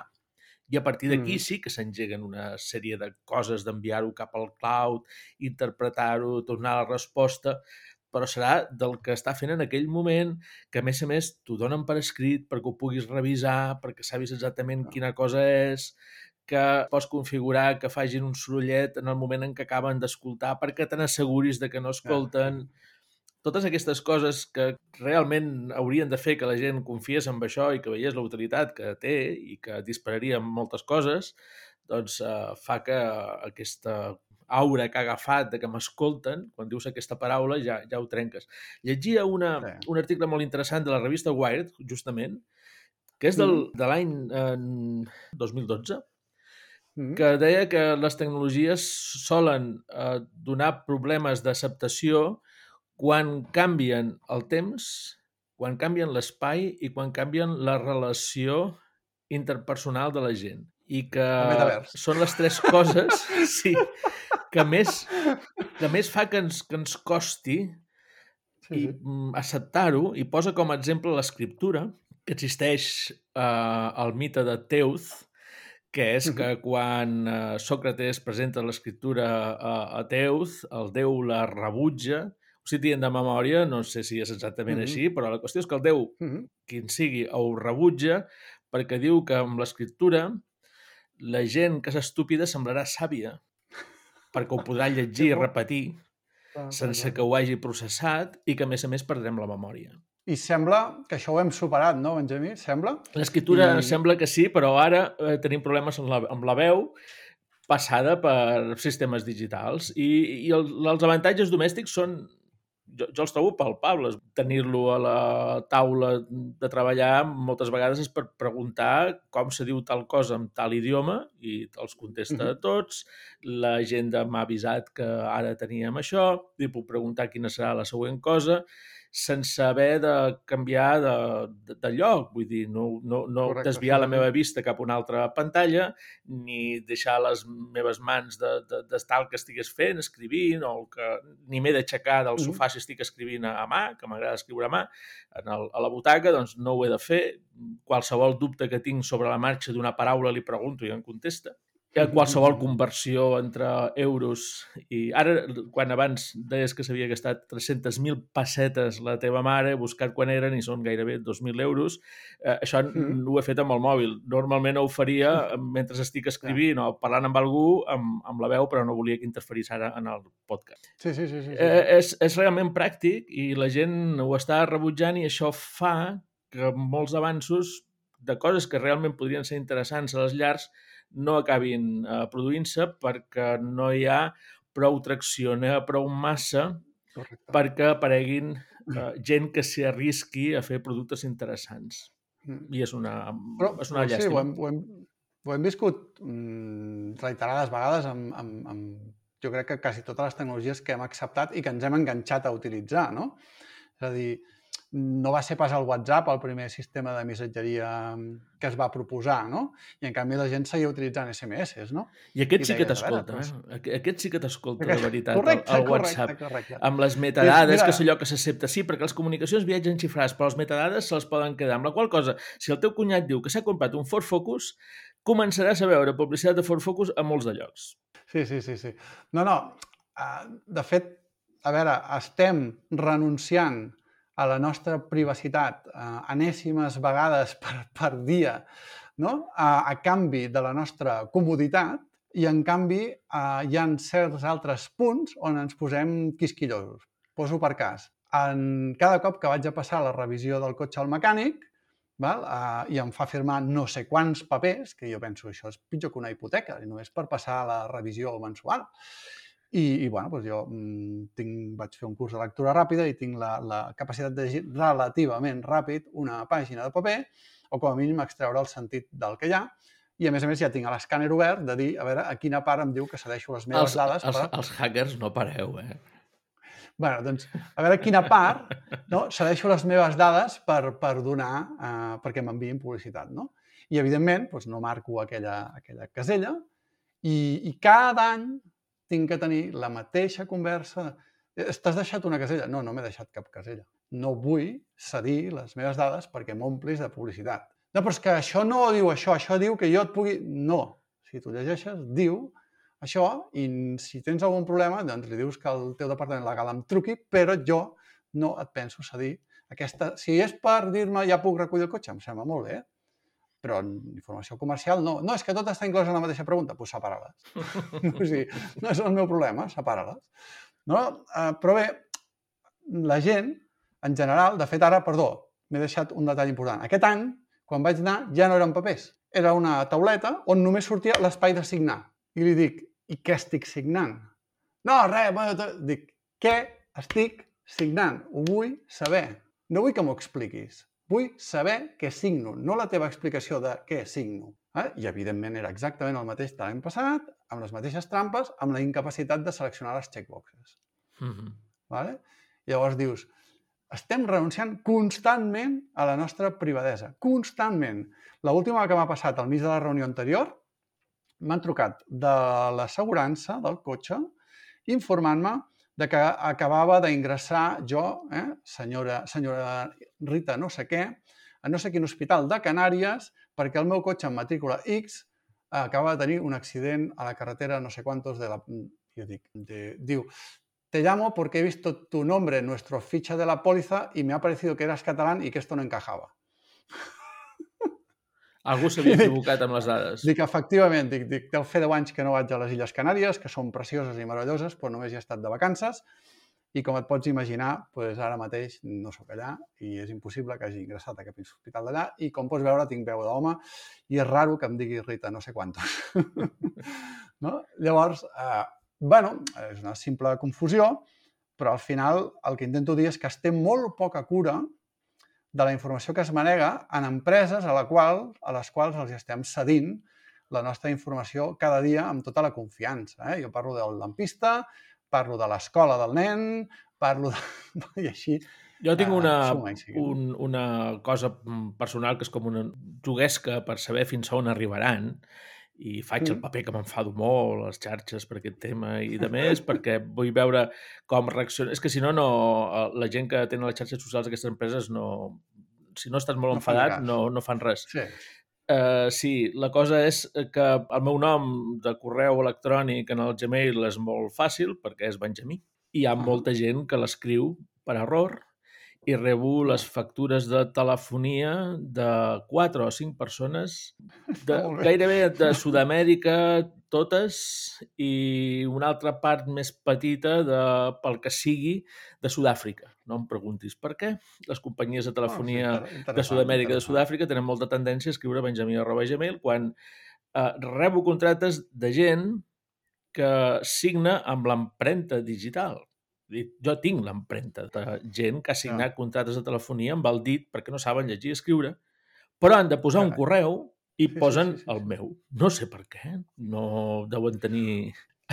és una cosa que no, no l'he arribat a entendre mai, però jo rebo totes les trucades, totes, eh, la, la relació de trucades, la factura, sí, sí, sí. sé quan no les paguen perquè me tornen a escriure un email dient-me que si no pago abans del dia tal em tallaran la connexió. Però, però Benjamí, no, no t'ha passat res positiu amb això? Doncs mira, també et poden passar coses bones. A mi Vinga. un dia em van arribar unes entrades d'una festa de cap d'any caríssima a la qual una persona eh, havia comprat estem parlant de més de 1.000 euros per entrada per accedir a aquell esdeveniment de cap d'any, eh? a Lleida. Um, doncs havia donat el meu correu electrònic i m'havien arribat les entrades. Ah. jo també haig de dir que sóc bona persona, perquè vaig posar-me en contacte amb aquell local i vaig dir, hi ha un senyor que s'ha deixat molts diners per unes entrades i us prometo que no sóc jo i em sabria molt de greu que aquesta persona que s'ha deixat aquests diners no les rebés, però si plau feu el possible per localitzar-lo perquè es pot quedar amb un pam de nas quan el dia de cap d'any tot engalonat i possiblement amb la senyora pels noms que, que hi havia a les entrades no puguin entrar en aquest esdeveniment.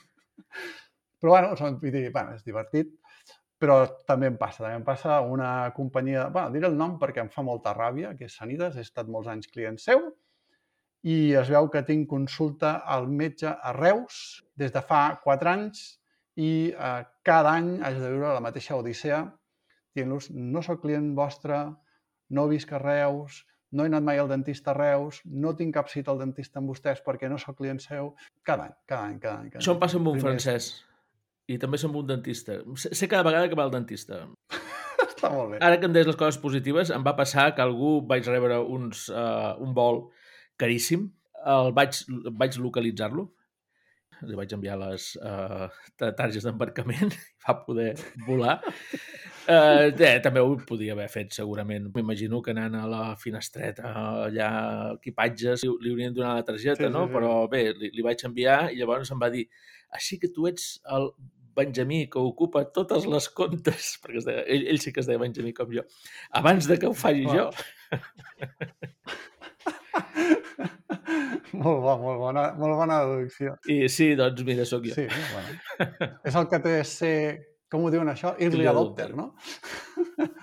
bueno, quan t'agrada la tecnologia ja ho fas, no? Jo, jo recordo que em vaig donar d'alta a Twitter, que fa molt temps que no utilitzo Twitter. Fas bé, ara, segurament. Però, em vaig donar, però com pocs mesos després de que es creés Twitter. I recordo que una amiga, que es dedica a temes més de màrqueting i tal, un dia publica a Twitter fa no sé quants anys que sóc usuària de Twitter, com dient, mira quin tou. No? Jo em portava com 5 anys més. I em diu, ostres, però és que tu pràcticament el primer dia que va sortir Twitter ja tenies compte. Dic, bueno, i, i Roku, que possiblement no sàpigues què és, i, i així podries seguir Tumblr i, bueno, i 23.000 milions de serveis que han passat a la, a la posteritat, que el primer dia... Te'n recordes del Wave de, de Google? Pues, bueno, el primer Mhm. dia dones d'alta al Wave i cap, per provar-ho tot, no? Ara, avui en dia, jo crec que això ja és insostenible perquè ja és brutal la quantitat de... productes.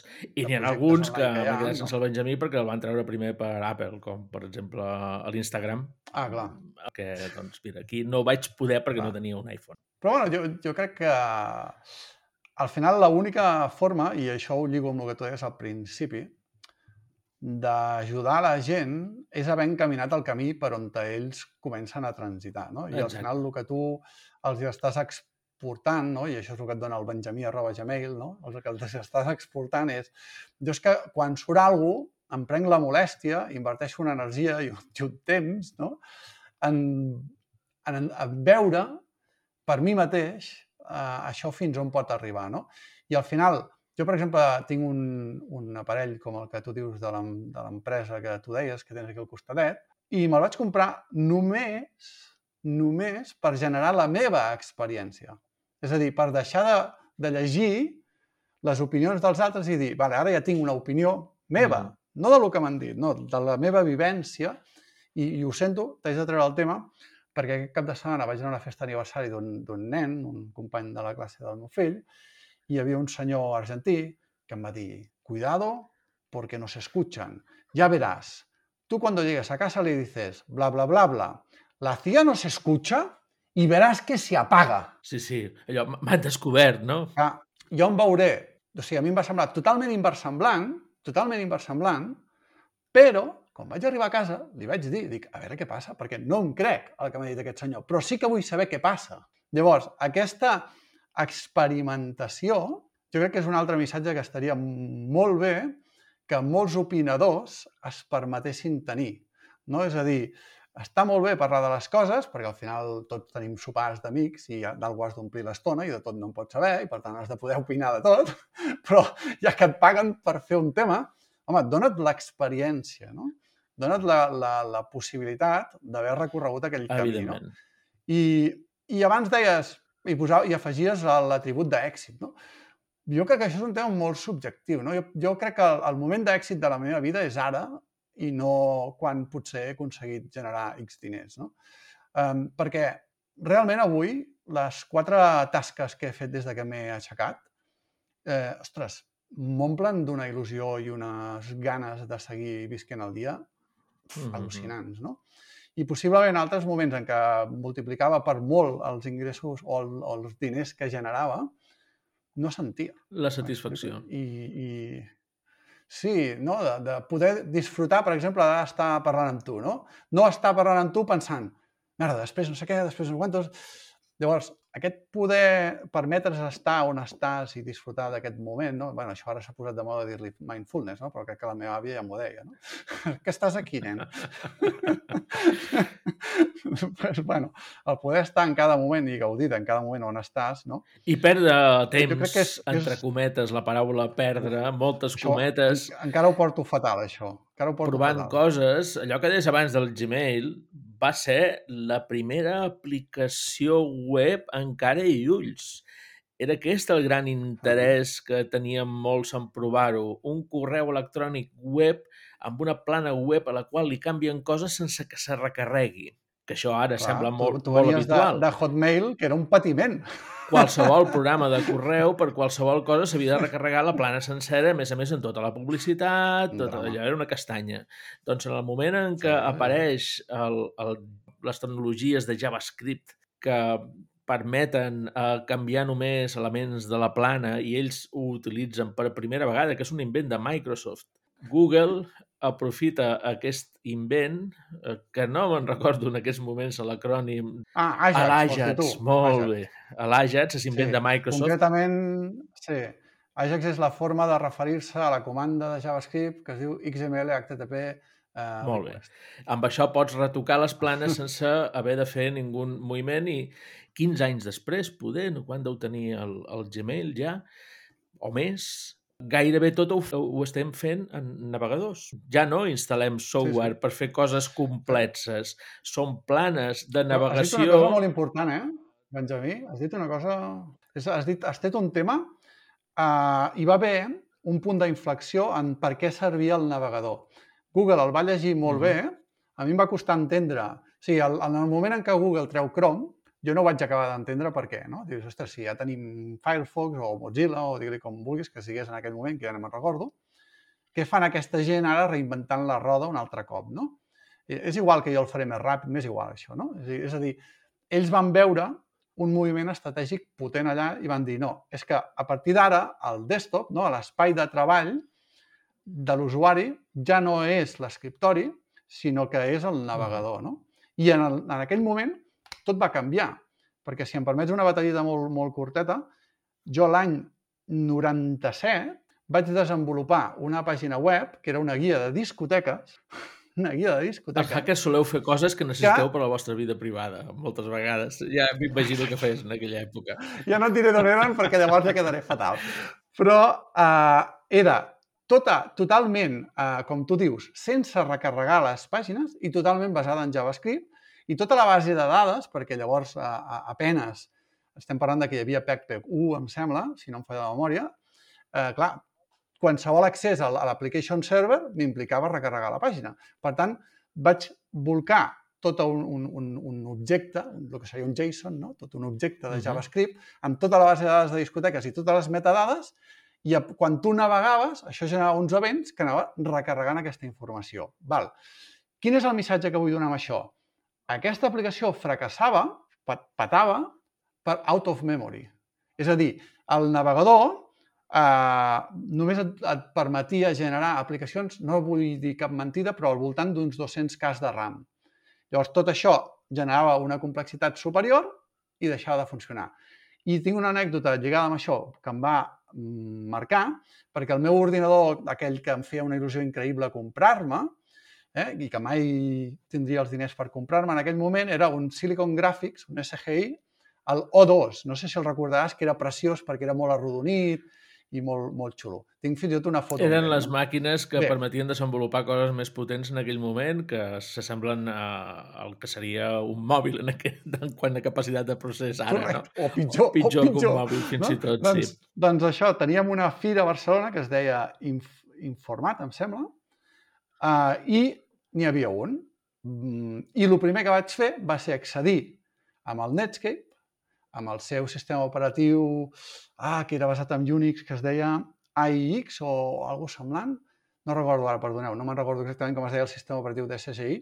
Era un Unix, però no recordo quin. La qüestió és que jo sabia Unix ja, ja m'havia certificat de Unix feia anys, i vaig accedir en aquesta web. I dic, a veure, si aquest ordinador superpotent és capaç d'executar dintre del navegador aquest JavaScript que no és tan complicat, out of memory. Vaja. Va? I uh, clar, a mi va... eh, Jo tenia 17 anys en aquell moment i jo vaig decidir, o sigui, deixo de programar web perquè és un avorriment, perquè ja m'he acabat la capacitat que tenen els ordinadors per fer això.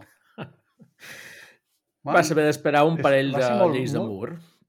No, allò, quan Correcte. cada, cada, la llei llavors- de Moore, per qui no ho sabi, és que cada 18 mesos la tecnologia digital duplica la capacitat. I Eh. això és moltíssim. Doncs aquella aplicació de streaming que et deia a l'inici del podcast, que he venut, és una aplicació serverless, és a dir, que des de la part de backend no necessita, eh, diguem-ne, instal·lar un servidor d'aplicacions, bla, bla, bla, bla, bla, sinó que fa servir serveis estàndard, de, en aquest cas de Google Cloud Platform, i um, la part front-end està feta amb un framework de JavaScript que es diu Vue, Vue, sí? i és una aplicació totalment autocontinguda en el navegador, amb un nivell de complexitat al·lucinant que a nivell de codi font, sense fer la compilació del que es descarregava al se- servidor, són, no et voldria dir mentides, però gigas de codi font que es compilen, evidentment no els he escrit tot jo, només faltaria, no? aquesta és la grandesa de, dels nivells d'abstracció que tenim avui en dia en el software, no?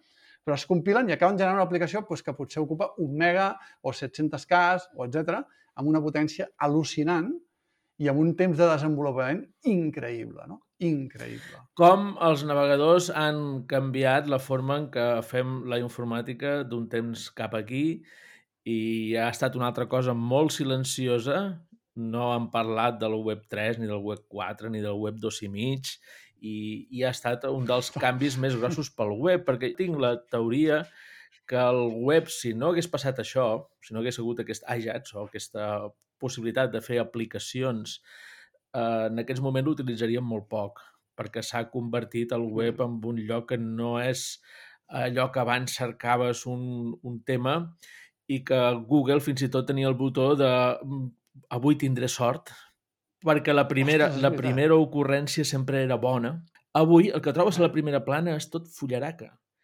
I el que trobes Sí. a la segona plana és gent que encara no sap fer fullaraca però que ho està provant.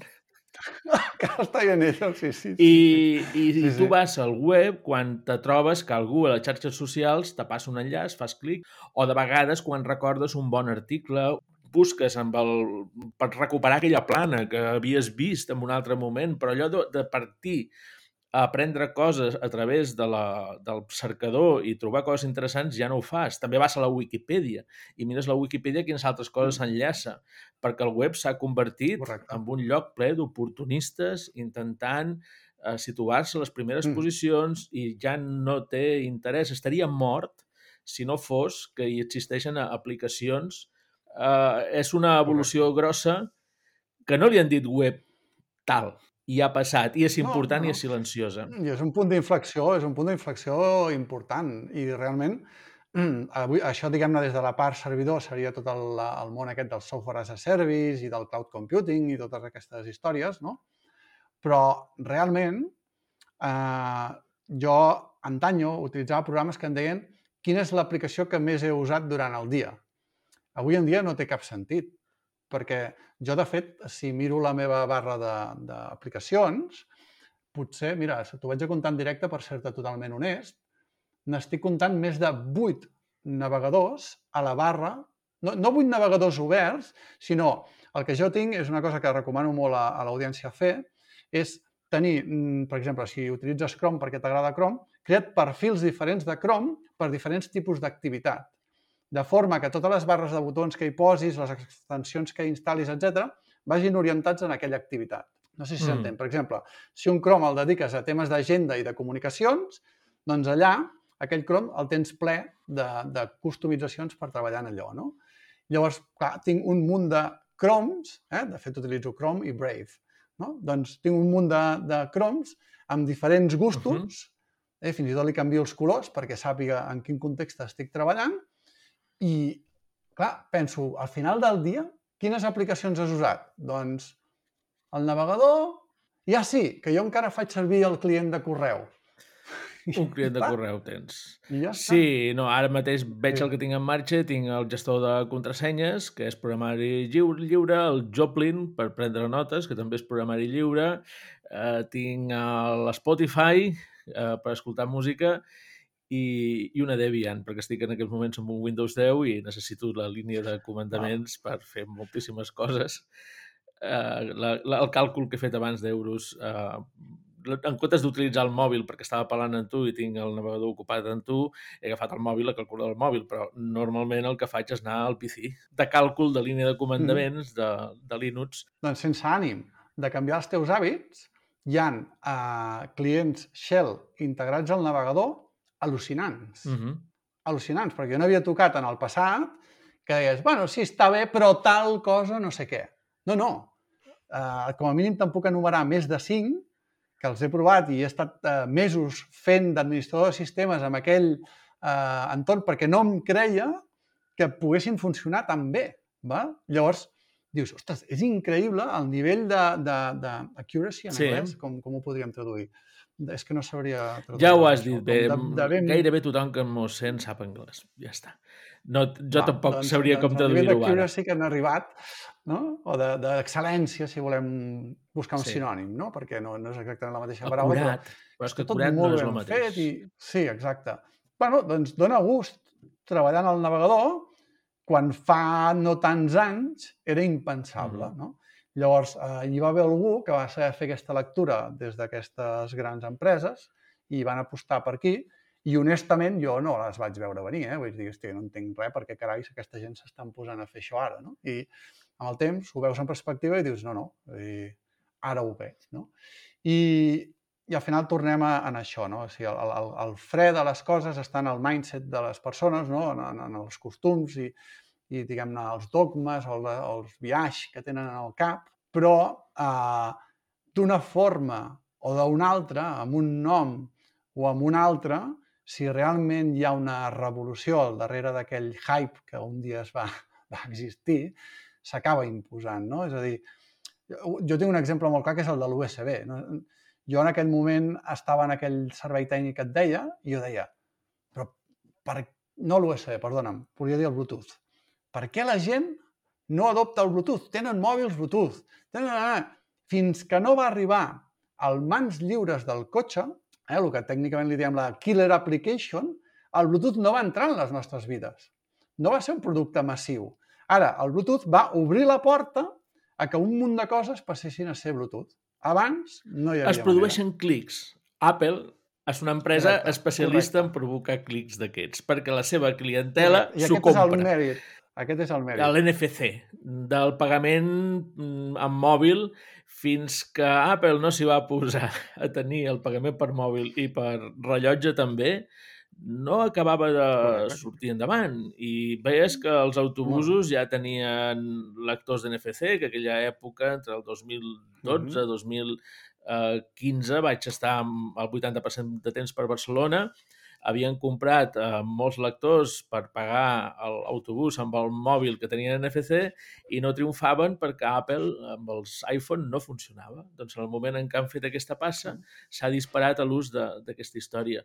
O el QR, el, abans que hi hagués la pandèmia, els QR no hi havia manera, no avançaven, no avançaven. Mira, ara no, no. Eh, no cal que expliquis a ningú mm -hmm. què és un QR, ni, ni com se llegeix, ni res. Jo, de fet, a, a la porta de casa sempre he tingut la clau SSI de la Wi-Fi i la majoria de la gent em preguntava què, què, què és això. Tu, tu és que bah, tu estàs boig per aquestes coses. Ara no cal que ho expliqui. Ja. I ja hi van i llegeixen i se connecten a la wifi sense preguntar-me la clau. Eh, són sí, sí, sí. clics no, no, eh, que no clics, estan clics, prevists en lloc ni ningú ho sap perquè el futur és molt difícil. És cosa d'anar fent, d'anar treballant en tecnologia i esperar que en algun moment del futur aparegui aquell clic, aquell petit detall que faci que correcte, es dispari. Correcte. I això mateix amb el metavers i el Web3 encara no sabem quin és el clic. Correcte. I en l'IoT, com, com dèiem abans, en aquest punt estem. És a dir, per sectors hi van haver cosetes que van tenint èxits desiguals. Què passa? Que com que es va posar tot el pes sobre unes sigles que estan, tenen tant de contingut que això fa que estiguin buides automàticament, no? És a dir, que una cosa serveix per tot, no serveix per res, no? Uh -huh. Si has de ser molt més uh, específic perquè s'adopti, no? Doncs aquests usos específics tenen uh, sorts desiguals. No? Llavors, per exemple, Jo sóc d'una zona de vinya, no? I he descobert recentment que les bodegues que m'envolten estan invertint fort en el que li diuen sistemes operatius de vinya. Que al final què és? Doncs, independentment de la solució IoT que implementis per sensoritzar la vinya, jo t'ofereixo un conjunt d'aplicacions que resolen els diferents reptes que tu tens dins del teu negoci, des del tractament de la vinya fins al, eh, com es diu això, a la gestió de la bodega, tota la part de màrqueting, etc etc. O sigui, tenen una cobertura i per això li diuen sistema operatiu de la vinya, no? I és increïble. I al final això, dius, ostres, és una solució IoT vertical del món de la vinya. I és molt important també fer-li entendre a les persones clar, estrictament l'IoT només és la capa de baix, és la de la recollida o reinjecció, o sigui, recollida de dades o reinjecció de comandes, eh, reinjecció d'accions que s'han d'executar en el món físic. Per tant, és traiem informació del món físic per reinjectar interaccions contra el món físic. Per exemple, el Benjamí, amb la seva veu, eh, dona una ordre perquè en el seu món físic hi hagi un canvi, com per exemple encendre's els llums. O eh, aquest dispositiu li informa i li suggereix, i diu, escolta, t'interessaria tancar les finestres perquè ja s'ha fet de nit i ja no serveix per res que les tinguis obertes perquè no t'entra llum i potser les voldries tancar, no? Doncs escolta, s'ha recollit una informació del món físic, gràcies a això se li està fent un suggeriment al Benjamí. Tot això és IoT, però les capes que s'han col·locat a sobre tenen un altre nom llavors l'IoT queda diluït. Llavors, per això dic que té sorts desiguals, perquè sí que és veritat que hi ha capes que s'han construït a sobre que no tenen ni solta ni volta i que s'han de madurar molt més, s'han de treballar, però sí que hi ha certs sectors, i d'aquí eh, torno a parlar del món industrial, on això té una atracció impressionant. Impressionant per què? Perquè té uns resultats immediats i perquè resol una sèrie de problemàtiques, per exemple, en matèria de seguretat industrial, eh? és a dir, doncs, eh, clar, a les empreses no els hi fa gaire gràcia haver de pagar una indemnització brutal perquè tal persona s'ha enganxat la, la mà en una màquina. Però, clar, quan l'empresa veu una forma d'assegurar-se que això no ha estat una negligència de la persona i, per tant, li puc donar el pes a aquesta persona, bé, eh, això ja m'interessa. Dius, bueno, a veure, eh, no es tracta d'aquí afavorir l'empresa ni afavorir el treballador, sinó es tracta de dir, a veure, quines mesures, com puc millorar tot plegat donant-li aquests sentits a l'ordinador que controla la màquina perquè entre tots evitem que hi hagi accidents laborals, mm -hmm. no? que són una, una de les causes de mort rellevants en el nostre país. No? I, I, en canvi, no, el Covid és un desastre, no? jo no t'ho no nego, però, però al mateix temps hi ha altres coses com els cotxes o com, o com les, les feines, no? que també generen una mortalitat o un nivell d'accidents important, i no sembla que ja estiguem gaire preocupats. No, coses que s'han assumit amb el temps, com també sembla que s'hagi assumit mm -hmm. la Covid eh, en poc temps i hi hagi molta gent que hagi baixat mm -hmm. les precaucions i després se'ns omplen les UCIs. Uh, sí. Uh, te... ho, ho has mirat, Benjamí, com s'acaba una pandèmia? No. Històricament? Jo l'altre dia em vaig fer la pregunta i ho vaig buscar. Perdona que t'interrompi amb això, però ho vaig, ho vaig trobar una curiositat perquè, clar, no, això en un any ja haurà passat. No, bueno, és el segon, però ara sí que això ja ho tenim, no? I llavors dic, bueno, deixa't estar de promeses de temps i què, com una societat decideix que s'ha acabat una pandèmia. Jo soc un expert, eh? no, no, ara no em jutgeu per la meva definició, eh, diguem-ne, de passarell, eh? però sí que, dic, bueno, històricament, què ha passat amb les pandèmies? Simplement és quan la pandèmia s'accepta com una enfermetat més a nivell social i es deixa lluitar-hi de forma intencionada, o sigui, o de forma, diguem-ne, especial respecte a la resta d'enfermetats, s'ha acabat la pandèmia. I jo crec que tampoc estem tan lluny, eh? I això ja és cosecha hauria al 100%, eh? És a dir, quan ara diem, ostres, és que hauríem d'estar prenent més precaucions, no serà que de veritat aquest és el procés de que aquest virus passi a formar part de la nostra vida, com tants altres virus que tenim, perquè al final aquesta variant Omicron, eh, jo no dic que no hi hagi ningú que li hagi fet eh, mal, eh, però en general tots coneixem moltíssims, eh, moltíssimes persones properes que l'han patit i poques, per no dir cap, d'aquestes persones n'han tingut efectes greus. No? Altra cosa és que hagin tingut una delta, que evidentment és una altra uh -huh. història. No? Però possiblement, quan això es normalitzi a nivell de números, a nivell hospitalari, no? eh, socialment acabarem dient, bueno, Sí, fa un any mirava morts i ara miro UCIs. Quanta Ah. gent hi ha a les UCIs perquè la mortaldat és uh, història, Llavors, bueno, jo, jo crec que no estem lluny no, de, de passar pàgina, però no per vaticinar una data, eh, sinó perquè socialment acceptem que això és part de la nostra... bueno, doncs abans pillaves una grip, doncs ara pillaràs una, una altra cosa que tampoc a nivell d'efectes jo no diferencio tant de grip, de la grip, no? perquè també s'emporta molta gent per davant la grip cada any. Sí, la diferència és aquesta sempre, Clar. les UCIs. T'ha ajudat això, Benjamí, de, de l'IoT? T'he donat algun ús o alguna explicació que hagi servit, segur? Molt perquè eh, hem definit eh, perfectament què és. Jo crec que la, la teva definició és, després de donar-li moltes voltes, la, la millor, perquè és una cosa difícil d'explicar, això que els ordinadors eh, han deixat de tenir anòsmia, que bo. que balli de forma silenciosa amb projectes tan potents com els que treballes i expliques és un símptoma de normalitat eh, molt interessant perquè quan hi han les pegues, que també n'han xerrat amb la tecnologia de la veu domèstica, que és una altra part de l'IoT, Mhm. eh, és un problema. Quan se'n deixa de parlar de tecnologia És, és un bon moment. el millor és, que se pot és bo, fer. És bo, sí, sí. En el moment en què es parlava molt de dades i salut, eh, es varen frenar molts, molts projectes interessants de salut i dades perquè la gent es va revoltar en contra que s'utilitzessin dades de salut. Però si se fa de forma anònima, eh, és igual, la sospita sempre, la teoria de la conspiració. Hi ha un article molt bo sobre les teories de la conspiració Mhm. Que ve, venen a dir que quasi sempre es, es basen en, en la intuïció. Correcte. T'ho I quan tu intueixes tal cosa, allò té una facilitat molt grossa de convertir-se en una teoria de la conspiració.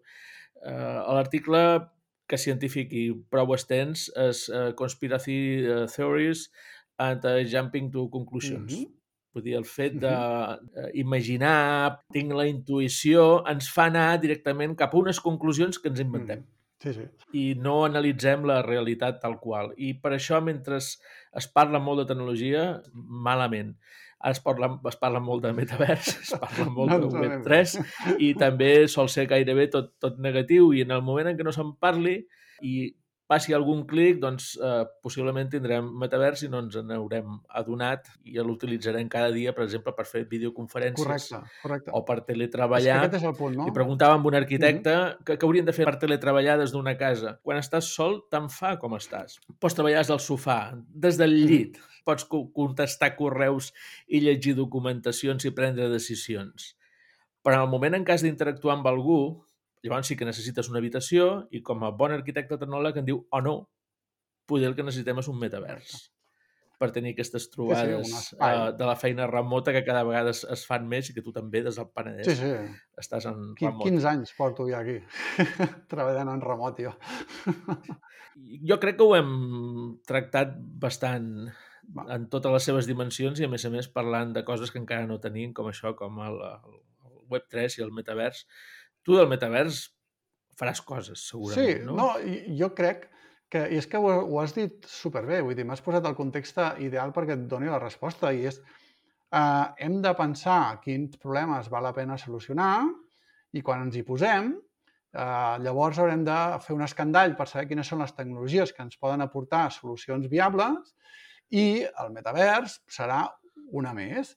I si realment aquesta és la que ens va bé pel, pel repte que tenim davant, doncs segurament la usarem i eh, això tindrà un nom i aquesta solució, aquesta aplicació, que al final una, una aplicació no és res més que una solució a alguna cosa, no? doncs, doncs això es farà famós. I que darrere tinc una tecnologia de Web3, Web2 o Pepito de los Palotes, la meva mare no ho sabrà mai. a mi m'encanta viatjar, Benjamí, i segur que també i a tantes altres persones que ens escolten, no?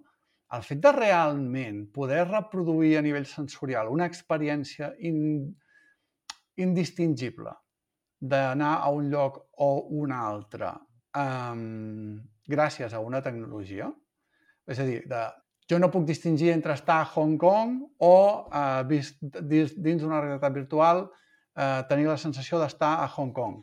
bueno, tu pots dir, home, sempre és millor estar a Hong Kong. No, no, si t'ho compro, però és que potser el viatge a Hong Kong em val una quantitat de diners o, m'implica una quantitat de temps que en aquest instant no em puc permetre, i el fet de poder passar mitja horeta sopant en un restaurant dels carrers de Hong Kong, doncs pot ser una experiència superxula que per pocs centenars d'euros puc disfrutar i això sí que m'ho puc permetre aquest dissabte per celebrar l'aniversari amb la meva parella, no? I dius, ostres, doncs eh, és xulo somiar aquestes... Vaja, no sé, a mi m'engresca somiar aquestes coses.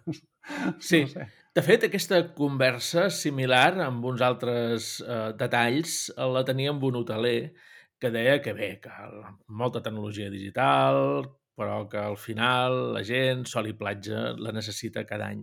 I justament mm. en això que deia, que és que la necessita, està el, el, una possible aplicació del metavers, que és tots aquests països del nord que a les 3 de la tarda ja és fosc i a més a més plou el 90% de, del temps, o si no fa neu i fa molt de fred, i que això et deprimeix, la falta de llum, tenir un metavers de sol i platja durant tot l'any a Oslo, per la psicologia ja, per la salut mental de sol en un lloc del nord, Correcte, correcte. pot Sí, canviar sí, sí. moltes coses. Encara no se parlava del metavers en el moment en què vàrem tenir aquesta conversa perquè poder té 5 anys, però sempre he cregut que podria ser que hi hagués una d'aquestes aplicacions perquè realment allà dalt es passa molt malament. En, sobretot la gent que és de- és d'aquí, Mm. Bueno. quan està allà intenta tornar sempre que pot. I ara amb el treball remot hi ha molts informàtics que estan tornant del nord cap aquí No, és curiós. Els índexs, els índexs de suïcidi són un indicatiu també mm, que, que permet ja llegir això, no? Dius, ostres, no, no ho veig... mm, No, no sé, sap, la paraula no és normal, perquè no la trobo ara... La, no ho trobo acceptable no? que hi hagi d'haver aquests índexs de suïcidi en una societat tan benestant. No? I llavors dius, bueno, doncs hi ha una sèrie de factors que s'han de trobar i, i, evidentment, el temps és un. I vaja, a mi m'ha passat mateix aquí al Penedès, eh? vull dir, he tingut mesos grisos pel motiu que fos, perquè és una excepció, no? I et notes que estàs molt més xafadot que no pas quan tens algun dia de sol entremig dels Mhm. dies grisos, per dir-ho així, no? I, bueno, pues sí, sí, sí. Jo crec, Podria ser una aplicació. sí, jo crec que al final... I no li direm metavers, li direm uh, Correcte, correcte. virtual sun. Exacte, No sé. o és igual, o, o, o presents for... Uh, no, no, no sé si m'entens. Uh, és igual. Al final s'han de buscar les fórmules que tenen una necessitat per cobrir i el, li donaran un nom comercial i això, que estarà nutrit d'una sèrie de tecnologies, és el que li donarà sentit. No? Després estarem els tecnòlegs darrere discutint en si la blockchain que fa servir gasta més llum o menys llum però, però diguem-ne, la persona consumidora del servei, majoritàriament, no li importarà mai aquesta conversa. Eh? No, no és que no li afecti, eh? evidentment tot, tot afecta, eh? però la seva consciència no, no arribarà mai a entendre si això és bo o dolent pel planeta o el que sigui. No? I jo crec que aquest, aquest nivell... O sigui, una cosa que també m'ha donat molt que reflexionar algunes vegades i és fa falta tanta complexitat per viure. Eh? Ja no parlo només de tecnologia, eh? sinó transversalment a nivell social. No? O sigui, hi ha coses senzilles que, que són Ah, mira, ara tens el Jack, el Jack de Twitter que se- se'n va a llocs enmig de la muntanya que semblen uh, zulos per tenir a presoners aïllats fins que no paguin el rescat. I això a ell li Sí, sí, encanta. sí. Ho fotografia i ho És- penja a les és- xarxes. La condició humana és uh, un, suficient com perquè cada dia et sorprengui fins a l'infinit i més enllà. És necessari, en, és necessari aquell moment, és necessari estar en banyador amb pilotes a la platja i després és necessari tenir aquesta tecnologia perquè doncs, ara, per exemple, han tingut una vacuna en tres mesos en comptes de 10 anys. I, I tot això ha fet que en aquests moments poder estiguem parlant tu i jo perquè si no hi hagués la vacuna i haguéssim passat onades com les que estem passant, eh, encara continuaria sent dur i hauria passat com en pandèmies anteriors que morien tants milions i milions de persones i poder no ho estaríem parlant. Així que al final eh, estem fent, sí, molta sofisticació, molta cosa, però no som molt conscients que l'edat que tenim tu i jo, mm, més o menys cap a l'any 1920, quan va haver l'altra Mhm. eh, pandèmia anterior grossa, l'esperança de vida era de Sí. 40, 40 i pocs Sí, sí, no l'esperança mitjana. I sí, molt sofisticat, però ens No, sí, no, jo em- no em referia tant a la part tecnològica pura, no, sinó a la complexitat, diguem, social, no? Diguem-ne, lo difícil, eh, no sé, em, com, què he de fer jo per solucionar... Jo no puc agafar i instal·lar-me una pèrgola per, per eh, el jardí alegrement, no? O sigui, hi ha tota una sèrie de tràmits i això fa que jo ignori aquests tràmits, per tant, si actuo sense preguntar, això té unes repercussions. Llavors, crec que aquest nivell de sofisticació, o sigui, crec que hauríem d'acceptar com a societat, i això ens incloc també la part tecnològica, que hi ha moments en què és bo parar i simplificar el que hem establert fins a aquell moment. Pues perquè la tecnologia ens ho permet o perquè hem descobert una forma més senzilla de fer-ho que té els mateixos beneficis i que és més senzilla. No? En canvi, com que això ja ho tenim solucionat, ho deixem establert. No? Llavors, el que arriba nou allà es troba amb un nivell de complexitat que roza l'absurdo, no? això passa molt en, en grans empreses o governs, no? Que hi ha una gran complexitat de persones, s'estableixen mecanismes infinitament complexes per fer coses infinitament senzilles com comprar una grapadora. Jo recordo que el tràmit que vaig tenir un dia en una consultora gran per demanar una grapadora van ser dues setmanes. Amb un govern per aquí va la cosa. Si acaben de fer una compra massiva després de que s'hagi aprovat a la Secretaria General, etc etc etc, hi ha grapadores. Però si ja no hi ha grapadores perquè han de fer la següent compra, poder has d'esperar no dues setmanes, sinó sis mesos. I acabes comprant-ho la grapadora i portar-la cap allà. Clar, aquí vaig jo, no? I aquest, I aquest va ser una mica el meu retorn, no? Quan jo vaig decidir de, ja no muntar cap altra empresa, passar a ser consultor, diguem-ne, sol, no? Home, però ara tu et muntaràs aquí una empresa de consultors. Dic, no, no, no, jo no vull muntar cap empresa de res, no? Jo vull fer el que m'agrada fer i cada cop que munto una empresa haig de deixar de fer el que m'agrada fer perquè m'haig d'ocupar d'altres coses que no eren eh, el motiu pel qual havia muntat l'empresa, no?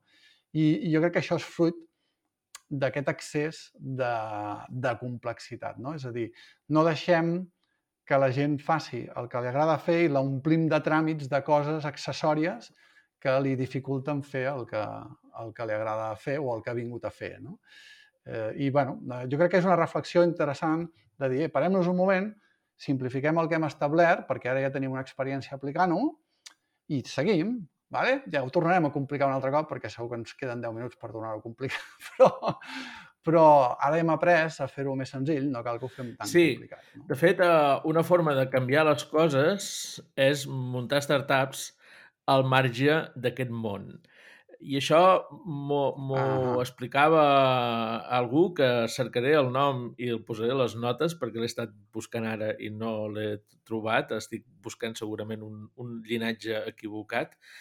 Doncs eh, eh, explicava que és eh, com sortir de, de Matrix, el fet d'emprendre. I com Matrix és una Correcte. pel·lícula, en el fons, budista, els germans Wachowski són budistes, el Keanu Reeves és budista, i que el que intentaven amb, amb, amb la pel·lícula és expressar aquesta idea budista de parar el món per veure la realitat. I quan ell para Matrix és quan pot Mhm. veure les, les bales. Tenim una visió diferent que la gent que està molt atrafegada amb el dia a dia veu altres coses. Llavors, el fet de parar i de parar el, el món et permet trobar no idees, perquè en el món de, de l'startup no, moltes vegades les idees després no fan un bon producte perquè no interessa. Mm. No, te permet trobar oportunitats per simplificar coses, Correcte. per trobar coses Correcte, útils molt per la gent que està tan atrafegada amb el seu dia a dia que com no ha parat no ho mira. Doncs per això hi ha molta gent que fa una startup després de tenir aquesta reflexió, després aquesta startup la, la, la ven, perquè ja creu que ha arribat a fer un altre Matrix nou i, i atura, perquè com l'ha venut doncs, té diners a la butxaca i es pot permetre el, la cosa d'aturar, i quan ja porta un any aturat i observant el món i veient la realitat, se acudeix una altra, veu una altra oportunitat i fa una altra nova Mm. startup. I és una forma de vida. Sí, es diu César Llorente López. Ara no sé per què cercava per jurar-ho. Mm, Coses meves. Que intentaré gravar algun dia un podcast amb ell um, Mhm. perquè ens ho expliqui. Serveix per canviar el món. És la, la forma més eficaç en aquests moments de canviar el món no és des d'una gran empresa ni des d'un govern No. que està molt ocupat amb el seu dia a dia i no veu la realitat. S'ha complicat tot tant que és allò que des de les grapadores, sinó que és parant-te i, i fent-ho d'una altra manera. Llavors, si la teva cosa triomfa, que és el que ha passat en tants i tants productes que, digitals que tenim al voltant i que ens han simplificat, en el fons, moltes coses que abans, de forma manual i analògica, eren complicadíssimes i espera't el que arribarà amb mm. la intel·ligència artificial de no haver-nos d'esbarallar amb la persona que se n'encarrega de fer l'expedient de, no sé de les grapadures. Escolta, un molt bon final, Benjamí. Jo crec que deixe, deixem-ho aquí dalt, eh? no ho espatllem, perquè la teva reflexió és d'ole, o sigui, xapó. No, encantat d'haver parlat amb tu. Uh, segurament haurem de repetir perquè sorgirà alguna cosa. Avui era presentar-te. Gràcies. I que també se sapigués el que fas i amb una cosa que se sap i se coneix tan poc com l'IoT hem aprofitat per parlar una mica de l'actualitat sobre el metavers i la Web3 i demà, doncs, no ho sabem, però sí. possiblement haurem de repetir, no? No, no, molt xulo perquè, bueno, al final hem parlat, com tu molt dius, de d'on vengo, hem introduït què hago, però realment eh, es, bueno, no, no hem entrat eh, realment a, en la matèria. Jo volia agrair-te infinitament que m'invitessis. Uh, no sé si quedarà algú a aquestes altures del podcast, però sí que vull que li quedi clar, si algú ha arribat aquí, que jo admiro profundament en Benjamí i la seva tasca i em permet, a més a més, descobrir a persones increïbles, increïbles, els convidats que porta... O sigui, jo em sento una mica avergonyit d'estar en aquesta llista perquè hi han persones al·lucinants. Per exemple, abans parlaves d'aquest company que porta tot el tema de satèl·lits, que des de que el vas eh, anomenar, doncs no vaig parar de, de rascar perquè és, és una font d'informació increïble. I això jo crec que n'hi hauria d'haver més de Benjamins perquè, perquè tot rodés més fi. Per tant, moltes gràcies, Benjamí. Moltes gràcies a tu. Una abraçada molt forta. Una abraçada.